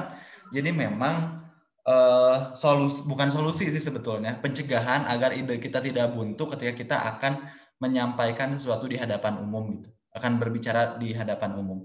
Jadi uh, yang perlu diperhatikan itu yang pertama pasti kita melakukan tindakan pencegahan terlebih dahulu. Caranya yaitu dengan membuat poin-poin penting dari apa materi yang akan disampaikan di catatan kecil. Jadi nggak ada salahnya nih teman-teman ketika kita akan melakukan public speaking, kita membawa buku kecil ataupun membawa kertas-kertas sebagai tulisan atau poin-poin kita dalam menyampaikan informasi gitu. Jadi nggak ada salahnya kok untuk kita membawa buku. Emang salahnya apa gitu? Agar kita nggak lupa atau nggak buntu. Kadang tuh kita kayak udah di pertengahan terus bingung mau nyampein apa lagi. Dan kalau kita udah punya buku kan, udah punya catatan kecil nih untuk kita menyampaikan, seenggaknya kita nggak buntu banget. Ada yang bisa kita buka. Terus juga yang kedua, ini tuh tentang eh, teman-teman semuanya mengenai public speaking ini ketika kita buntu ini nggak ada salahnya untuk kita tuh kayak ngedisrak diri kita dengan mungkin menanyakan, nah dari tadi yang apa disampaikan menurut teman-teman, kita tanyakan kepada audiens untuk merecall kembali materi yang sudah disampaikan. Jadi ada kesempatan nih waktu untuk kita berpikir, uh, nginget-nginget lagi kira-kira apa yang belum tersampaikan gitu. Jadi seenggaknya kita udah memberikan uh, waktu bagi kita agar berpikir dan menggali informasi lebih banyak lagi terkait materi yang akan disampaikan. Jadi perlu banget kedua hal tersebut untuk kita jalankan. Yang pertama itu adalah tindakan preventif dengan kita menyiapkan poin-poin penting dalam kertas kecil atau dalam catatan kecil atau dalam buku gitu untuk kita bawa dalam menjalankan public speaking. Terus yang kedua ini eh, gimana caranya kita ngedisrak kembali kepada uh, audiens, kepada peserta untuk merecall materi yang telah disampaikan. Terus yang ketiga ini juga penting teman-teman untuk kita sama-sama pahami dalam ketika kita buntu dalam ide gitu ya teman-teman mungkin bisa dengan kalau pematerinya ada dua ya pematerinya ada dua mungkin bisa kita tanyakan pendapatnya terkait dengan uh, pemateri gitu ya. Pemateri yang kedua ini menanggapi apa yang kita sampaikan itu seperti apa terkait dengan topiknya gitu. Jadi memang banyak sekali cara untuk ngedistrak agar kita memiliki punya banyak waktu luang punya banyak waktu untuk memikirkan kembali apa yang sebelumnya uh, tidak terpikirkan. Seperti itu kayak Yuniati.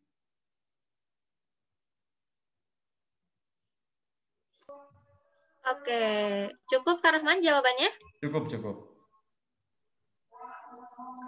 Oke, nah jadi itu ya Kak Widya tadi jawaban dari Kak Rahman. Gak apa-apa kalau misalkan kita lupa, kita bawa catatan aja ke depan. E, orang presiden juga ya, kita kan kalau misalkan dato di depan Kak Rahman gitu pakai kertas. Apalagi kita gitu yeah. kalau misalkan pengen apa namanya menyampaikan materi nggak apa-apa bawa kertas bawa buku. Saya juga kalau misalkan jadi moderator tuh uh, kalau misalkan takut lupa-lupa itu bawa buku bawa buku kecil gitu lah biar nggak lupa apa yang nanti uh, harus disampaikan. Nah Karuhman ini pertanyaan terakhir nih. Pertanyaan yang banyak sekali ditanyakan. Pertanyaannya adalah, oh iya, pertanyaannya dari Kalindia Susika dari Universitas Tengku Umar. Pertanyaannya adalah, Bagaimana cara kita agar tidak grogi atau gugup saat berbicara di depan halayak ramai, serta bagaimana tips untuk menyembunyikan rasa gemetar dan rasa takut ketika kita berbicara di depan halayak ramai.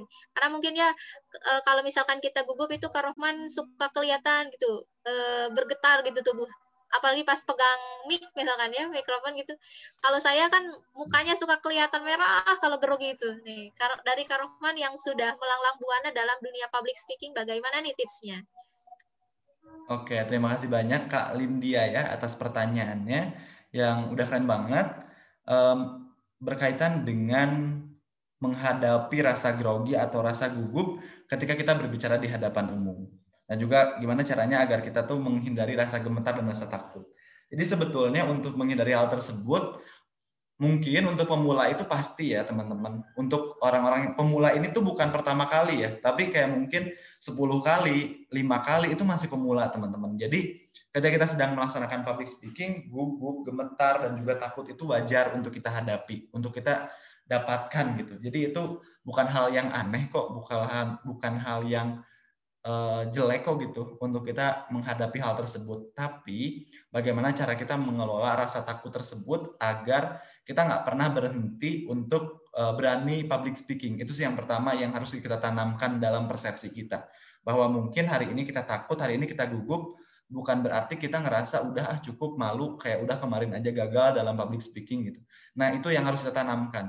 Bukan berarti ketika kita menghadapi rasa takut dan gugup tersebut kita merasa udahlah kemarin gagal jadi kita nggak mau nyoba lagi. Tapi kita harus berani untuk belajar dari kesalahan yang kita hadapi kita coba lagi kita pede lagi kita nyoba lagi karena memerlukan untuk menghadapi rasa takut dan gugup tersebut memerlukan jam terbang juga teman-teman kayak kita pun kalau udah terbiasa tuh kayak udah biasa aja gitu dalam public speaking awal-awal mungkin takut kayak teman-teman awal mula masuk kuliah awal-awal masuk SMA pasti gugup dulu, takut dulu gitu ketemu sama teman-teman baru. Tapi setelah lama kelamaan kan jadi terbiasa kayak gitu. Terus juga yang selanjutnya kalau aku pribadi menghadapi rasa gugup dan takut, kayak misalkan nih aku mau ngomong di hadapan umum tapi ternyata di sana tuh ada kepala dinas kepala dinas gitu kan aku juga pasti malu gitu ya. Kayak pertama kali ngomong di hadapan pejabat-pejabat publik gitu. Terus kayak Aku menghadapinya dengan aku coba narik nafas gitu, buang nafas secara perlahan, tarik nafas dalam, nyari gitu nafas dalam karena itu tanpa sadar itu pun bisa menenangkan hati kita yang sedang gugup ini. Terus yang kedua, ini pastikan asupan nutrisinya juga cukup. Jangan sampai kita mau jadi public speaking, mau public speaking tapi kitanya lagi lapar, kitanya lagi haus, kitanya tuh lagi kayak lagi serak, bukan serak sih kayak tahu gak sih kayak kita tuh kekurangan minum terus tenggorokannya jadi gak enak gitu. Nah itu juga jangan sampai kondisi fisik teman-teman terganggu ketika teman-teman akan melaksanakan public speaking. Jadi pastikan asupan nutrisinya yang cukup ya, jangan sampai kitanya asupan nutrisinya nggak cukup. Terus yang ketiga, uh, biasanya dengerin musik gitu, atau mungkin dengerin murotal gitu. Kayak misalkan kita pun uh, menghadirkan diri secara penuh, secara utuh. Terus kayak kita juga uh, memperkaya asupan ketenangan diri kita. Tenangkan hati kita bahwa mungkin aja ini tuh rasa gugup dan takut bahwa itu akan tetap baik-baik aja kok nggak seperti yang kita takutkan gitu jadi ya kita santai aja relax aja bahwa takut gugup itu pasti tapi bagaimana cara kita mengelola gugup itu tersendiri nah itu paling Kak Yuniarti yang bisa disampaikan terima kasih banyak atas pertanyaannya yang keren banget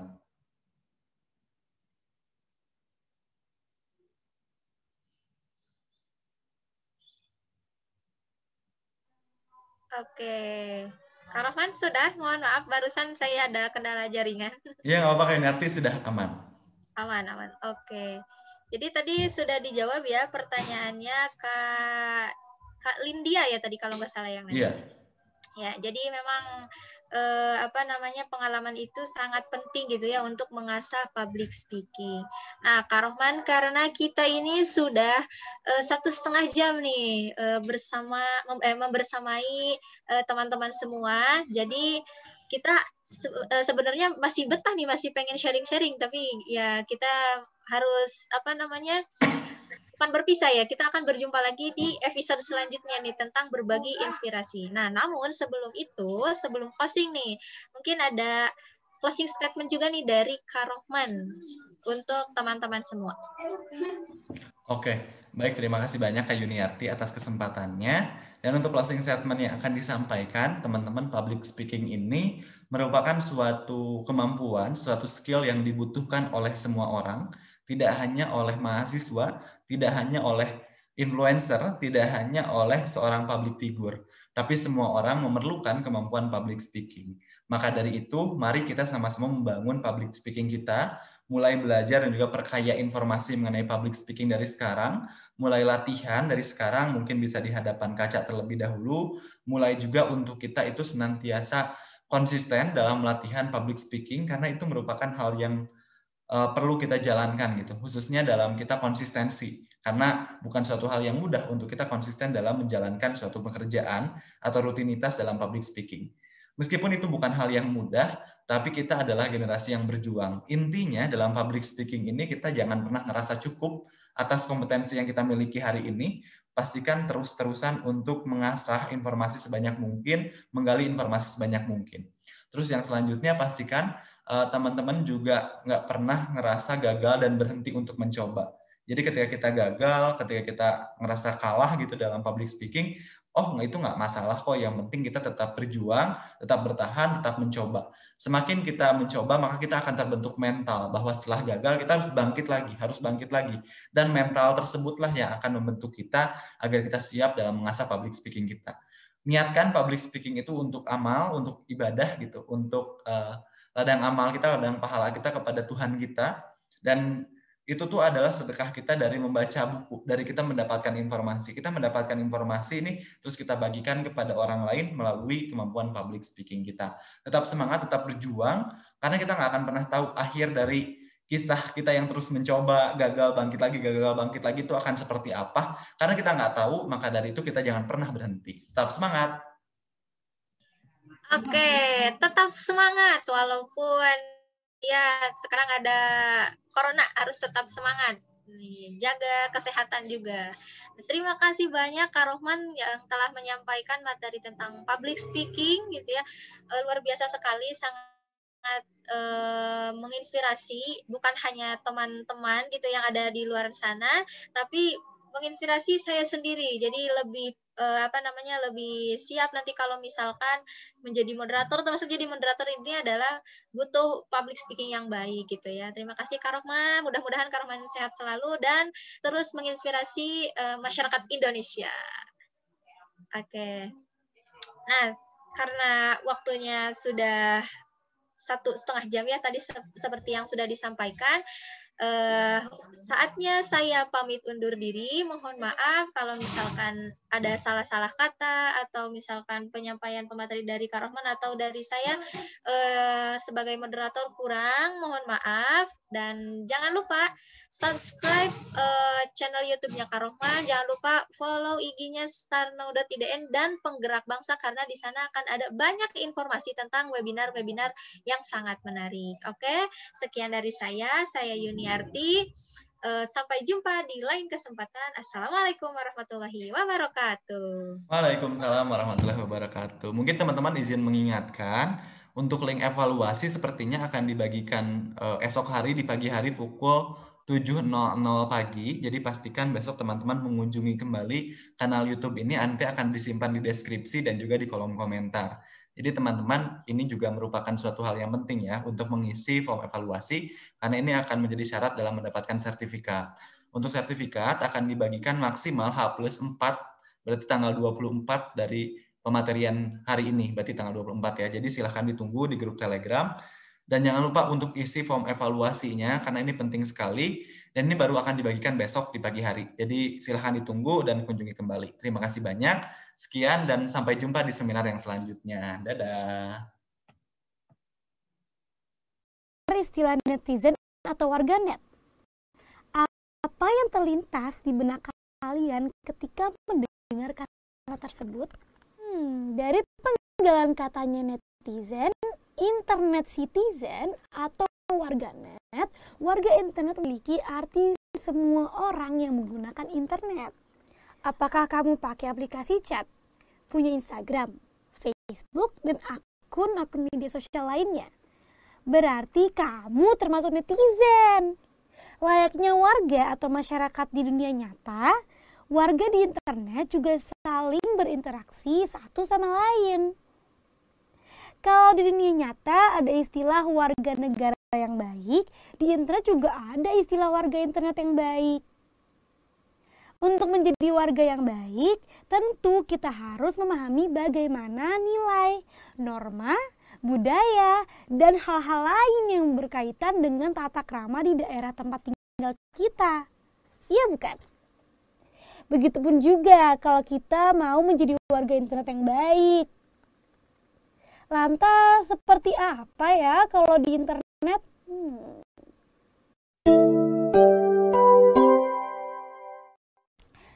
Sobat Cerdas, ketemu lagi sama aku Kilan. Di awal tadi kita udah ngomongin tentang netizen dan warga internet.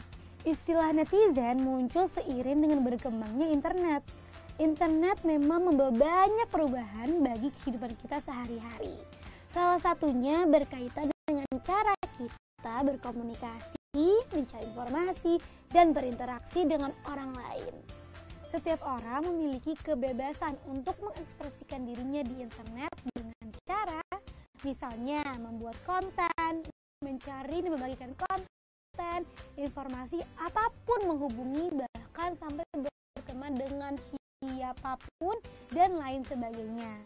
Tapi ada satu hal yang harus selalu kita ingat sobat. Kebebasan di internet itu sama dengan kebebasan di dunia nyata, yaitu bebas dengan bertanggung menjawab. Kenapa? Karena baik di internet ataupun di dunia nyata kita sama-sama berhubungan dengan manusia. Maka dari itu kita harus benar-benar memahami hak dan kewajiban atau apa aja kegiatan yang boleh kita lakukan dan tidak boleh kita lakukan selama di internet supaya bisa menjadi netizen yang cerdas. Setidaknya ada tiga hal yang perlu kita ketahui untuk menjadi netizen yang cerdas. Pertama, kita harus bisa membedakan konten-konten apa aja yang bisa kita akses sesuai dengan usia kita. Di internet itu ada banyak banget konten informasi dalam berbagai bentuk. Tapi, enggak semua konten tersebut aman untuk semua manusia.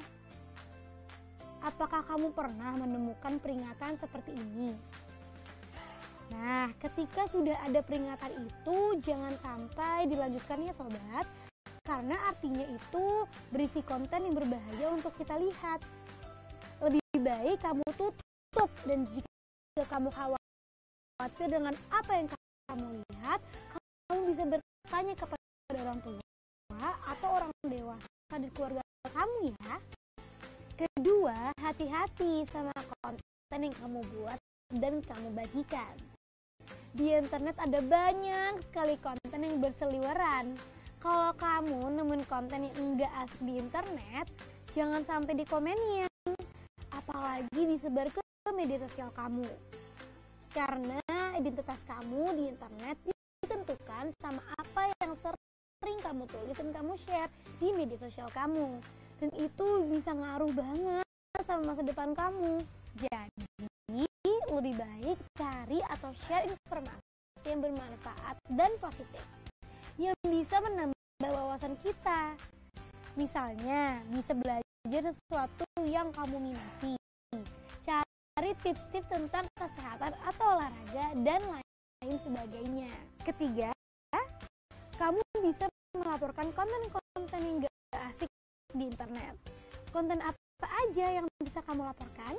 Misalnya, kalau kamu nemuin konten yang memuat informasi yang menyesatkan, ujaran kebencian yang bisa menimbulkan konflik, mengandung unsur pelecehan atau seksual, terorisme, dan lain sebagainya.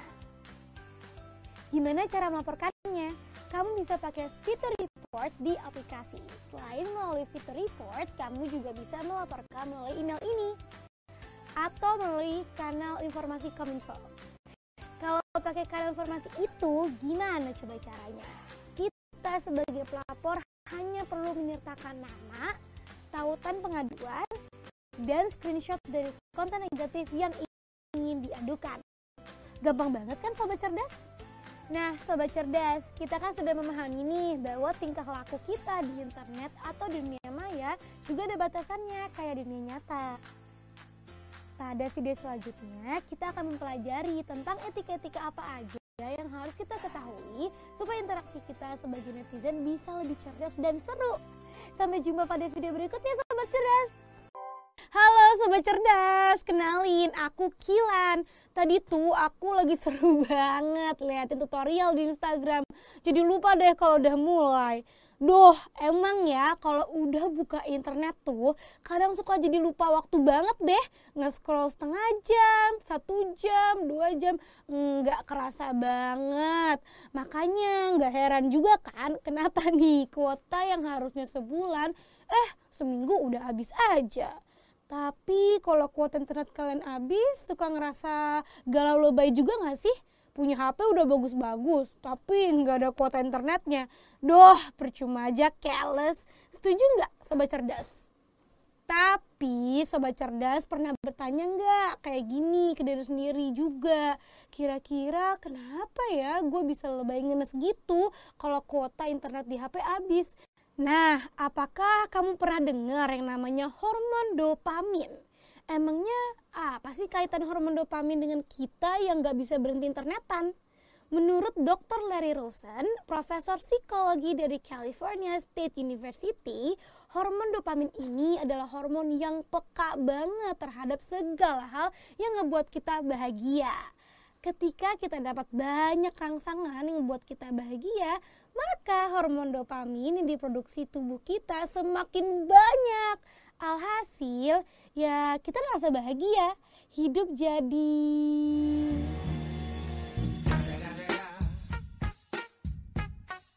Jadi kalau misalnya kita seneng nih karena followers nambah di Twitter atau pas buka Instagram ada bejibu notifikasi likes, DM, komen, maka di situlah produksi hormon dopamin yang bertambah sehingga kita ngerasa bahagia dan kita jadi pengen terus menerus terkoneksi sama internet.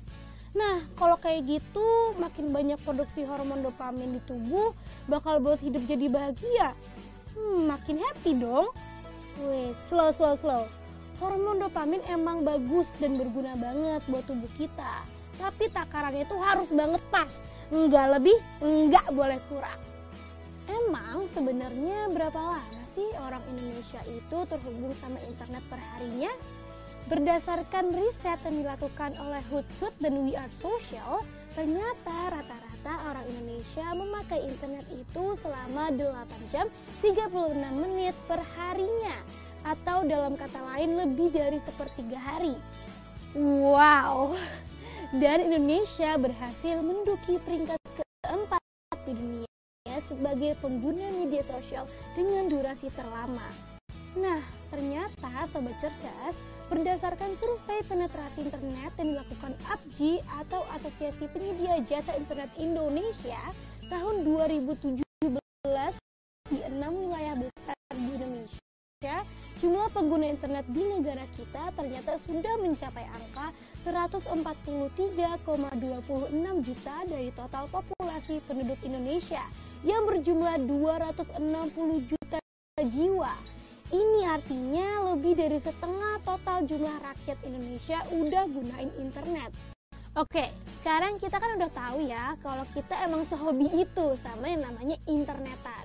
Dan karena emang di internet juga kita bisa sebebas itu. Eh, tunggu deh. Emang beneran bisa sebebas itu ya? Hmm, aku jadi kepikiran nih kalau semisal kita lagi dapat tugas dari guru, suruh buat resensi buku. Eh, pas googling ada tuh resensinya lengkap pula. Nah, kalau kamu langsung copy paste aja gitu atau masih mikir-mikir dulu? Terus waktu kita tiba-tiba dapat pesan undian berhadiah gitu lewat WhatsApp yang bilang kalau kita bisa dapat mobil gratis. Biasanya kamu langsung forward aja ke grup keluarga atau cross check dulu tuh pesan bener atau enggak. Terus pas lagi main Instagram pasti juga sering banget kan ketemu postingan yang isi komentarnya penuh kata-kata kasar. Pernah mikir nggak apa sih bahayanya buat kita? Terus kalau komentar julid di sosmed itu gimana? Nah, kalau itu udah banyak banget kan kasus gara-gara komentar julid bisa bikin sampai seseorang dipolisikan. Bahkan sampai berakhir di jeruji besi. Dan untuk masalah ngebully di internet, Nyatanya udah ngebuat ratusan korban bully takut buat berteman dengan orang lain dan mengakhiri hidupnya. Tapi karena kita tahu juga bahwa di internet ada banyak banget hoax, komentar kasar, sesat pikir, konten-konten buruk lainnya. Makanya kita perlu banget melindungi diri kita sendiri dan orang-orang yang kita sayangin dengan cara gunain internet yang lebih cerdas dan bijak. Sekarang pilihannya ada di kita. Mau jadi internet sebagai alat yang berbahaya atau bermanfaat. Dari tadi sih sebenarnya aku udah siap banget buat belajar bareng sama kamu di video-video berikutnya.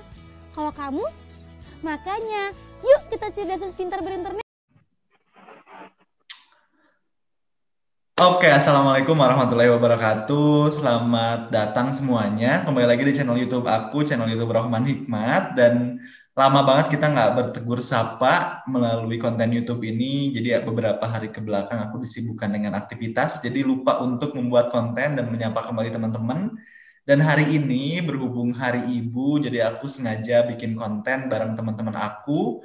Salah satunya ini telah hadir bersama aku, Kang Wildan Fauzan. Halo Kang Wildan. Halo. Oke, Kang Wildan ini merupakan mahasiswa UIN Sunan Gunung Jati Bandung dan merupakan mahasiswa asal dari Kabupaten Ciamis. Masih mahasiswa ya, Kang ya? Masih, masih. Oke. Masih mahasiswa. Dan berkaitan dengan Hari Ibu, apa sih yang sebetulnya bisa kita ingat tentang Hari Ibu ini? Pasti banyak banget dong ya. Orang tua, ibu yang pasti ingin memberikan yang terbaik, memberikan kebahagiaan untuk anaknya banyak banget sekarang quotes-quotes yang bilang kalau ternyata sebetulnya kebahagiaan hidup seorang ibu itu ketika melihat anak-anaknya bahagia. Dan hari ini kita akan bikin konten tentang apa sih yang ingin millennials atau anak sampaikan kepada ibunya, khususnya di hari ibu ini. Dan kita akan langsung tanyakan kepada uh, teman aku di sini ada Kang Wildan. Kang Wildan mungkin boleh kenalan dulu. Dan nanti boleh sampaikan apa sih yang ingin lu ucapin gitu di uh, Hari Ibu ini.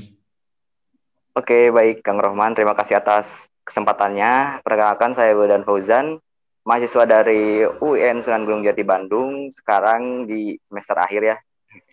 Dan untuk kata-kata yang diucapkan di momen Hari Ibu ini, tentunya selamat Hari Ibu kepada ibuku tercinta, ibuku tersayang, dan terima kasih telah menjadi role model dalam tumbuh kembangnya diriku dari mulai kecil sampai saat ini.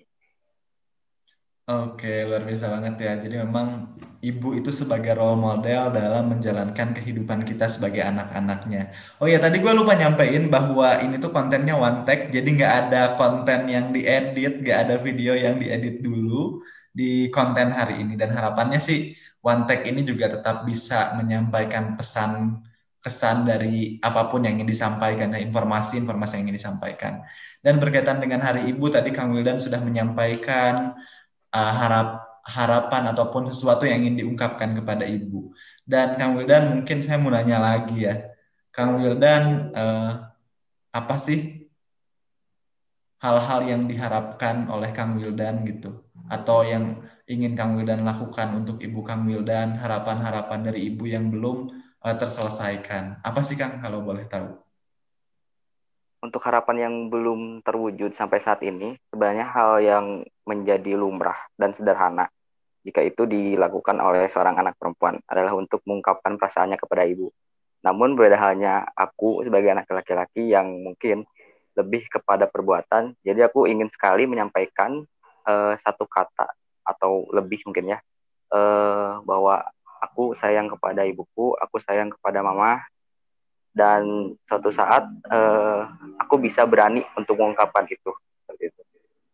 Oke, jadi memang benar banget ya Kang. Apalagi kita sebagai anak laki-laki itu kayak ada perasaan gengsi gitu untuk mengungkapkan ya, rasa sayang kita kepada orang tua kita. Nah mungkin Ibu Kang Wildan nanti menonton di kanal YouTube ya. ini. Kang Wildan boleh coba untuk menyampaikan uh, ucapannya, rasa sayangnya kepada Ibu Kang Wildan. Boleh nanti uh, saya khususkan untuk di spotlight. Enggak, Kang dan untuk menyampaikan mungkin ucapan kasih sayangnya terlebih dahulu kepada Ibu Kang Wildan. Oke, untuk ibuku, mamahku, uh, aku sayang sekali kepada ibu atau mama. Uh, terima kasih banyak atas semua yang mama berikan, meskipun tidak semua dapat uh, aku yang aku inginkan itu terwujud tapi semua perjuanganmu itu sudah lebih dan tidak akan pernah uh, bisa aku ganti sampai kapan pun terima kasih ibu Oke, aku jadi ikut terharu nih kan mendengarkan ucapan tersebut dan tentunya pasti yeah. banyak sekali anak laki-laki yang merasa gengsi gitu untuk mengungkapkan hal tersebut. Bahkan aku sendiri pun gengsi kan untuk mengungkapkan rasa sayang tersebut kepada ibuku sendiri gitu. Dan yeah ya mungkin seharusnya memang kita pun nggak gengsian kali ya sebagai anak laki-laki karena untuk menyatakan perasaan sayang tuh nggak cuman kepada pacar. Kenapa ke pacar kita nggak gengsi, sedangkan kalau ke ibu kita gengsi? Menjadi suatu keheranan juga ya. Iya, iya. nah mungkin ini pertanyaan yang terakhir Kang Wildan.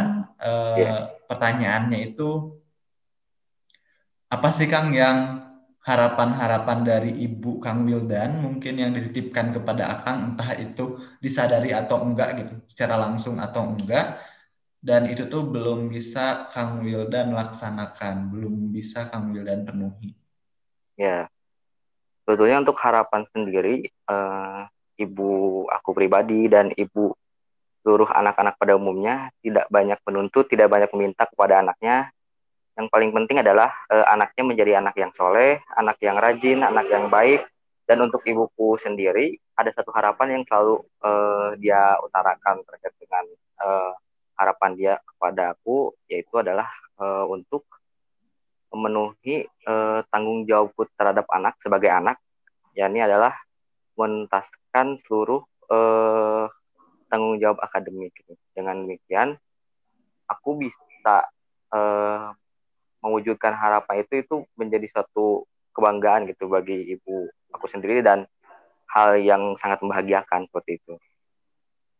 Oke, jadi memang uh, ada mungkin ya masih ada harapan-harapan dari ibu yang memang belum bisa kita penuhi dan itu memang bukan maksud orang tua menjadikan hal tersebut sebagai beban untuk anaknya, tapi memang pasti setiap orang tua, setiap ibu itu menginginkan yang terbaik untuk anaknya dan juga menginginkan kebahagiaan anaknya. Karena kalau saya pernah dengar tuh uh, bahwa kebahagiaan seorang ibu di dalam hidupnya adalah ketika melihat anak-anaknya bahagia.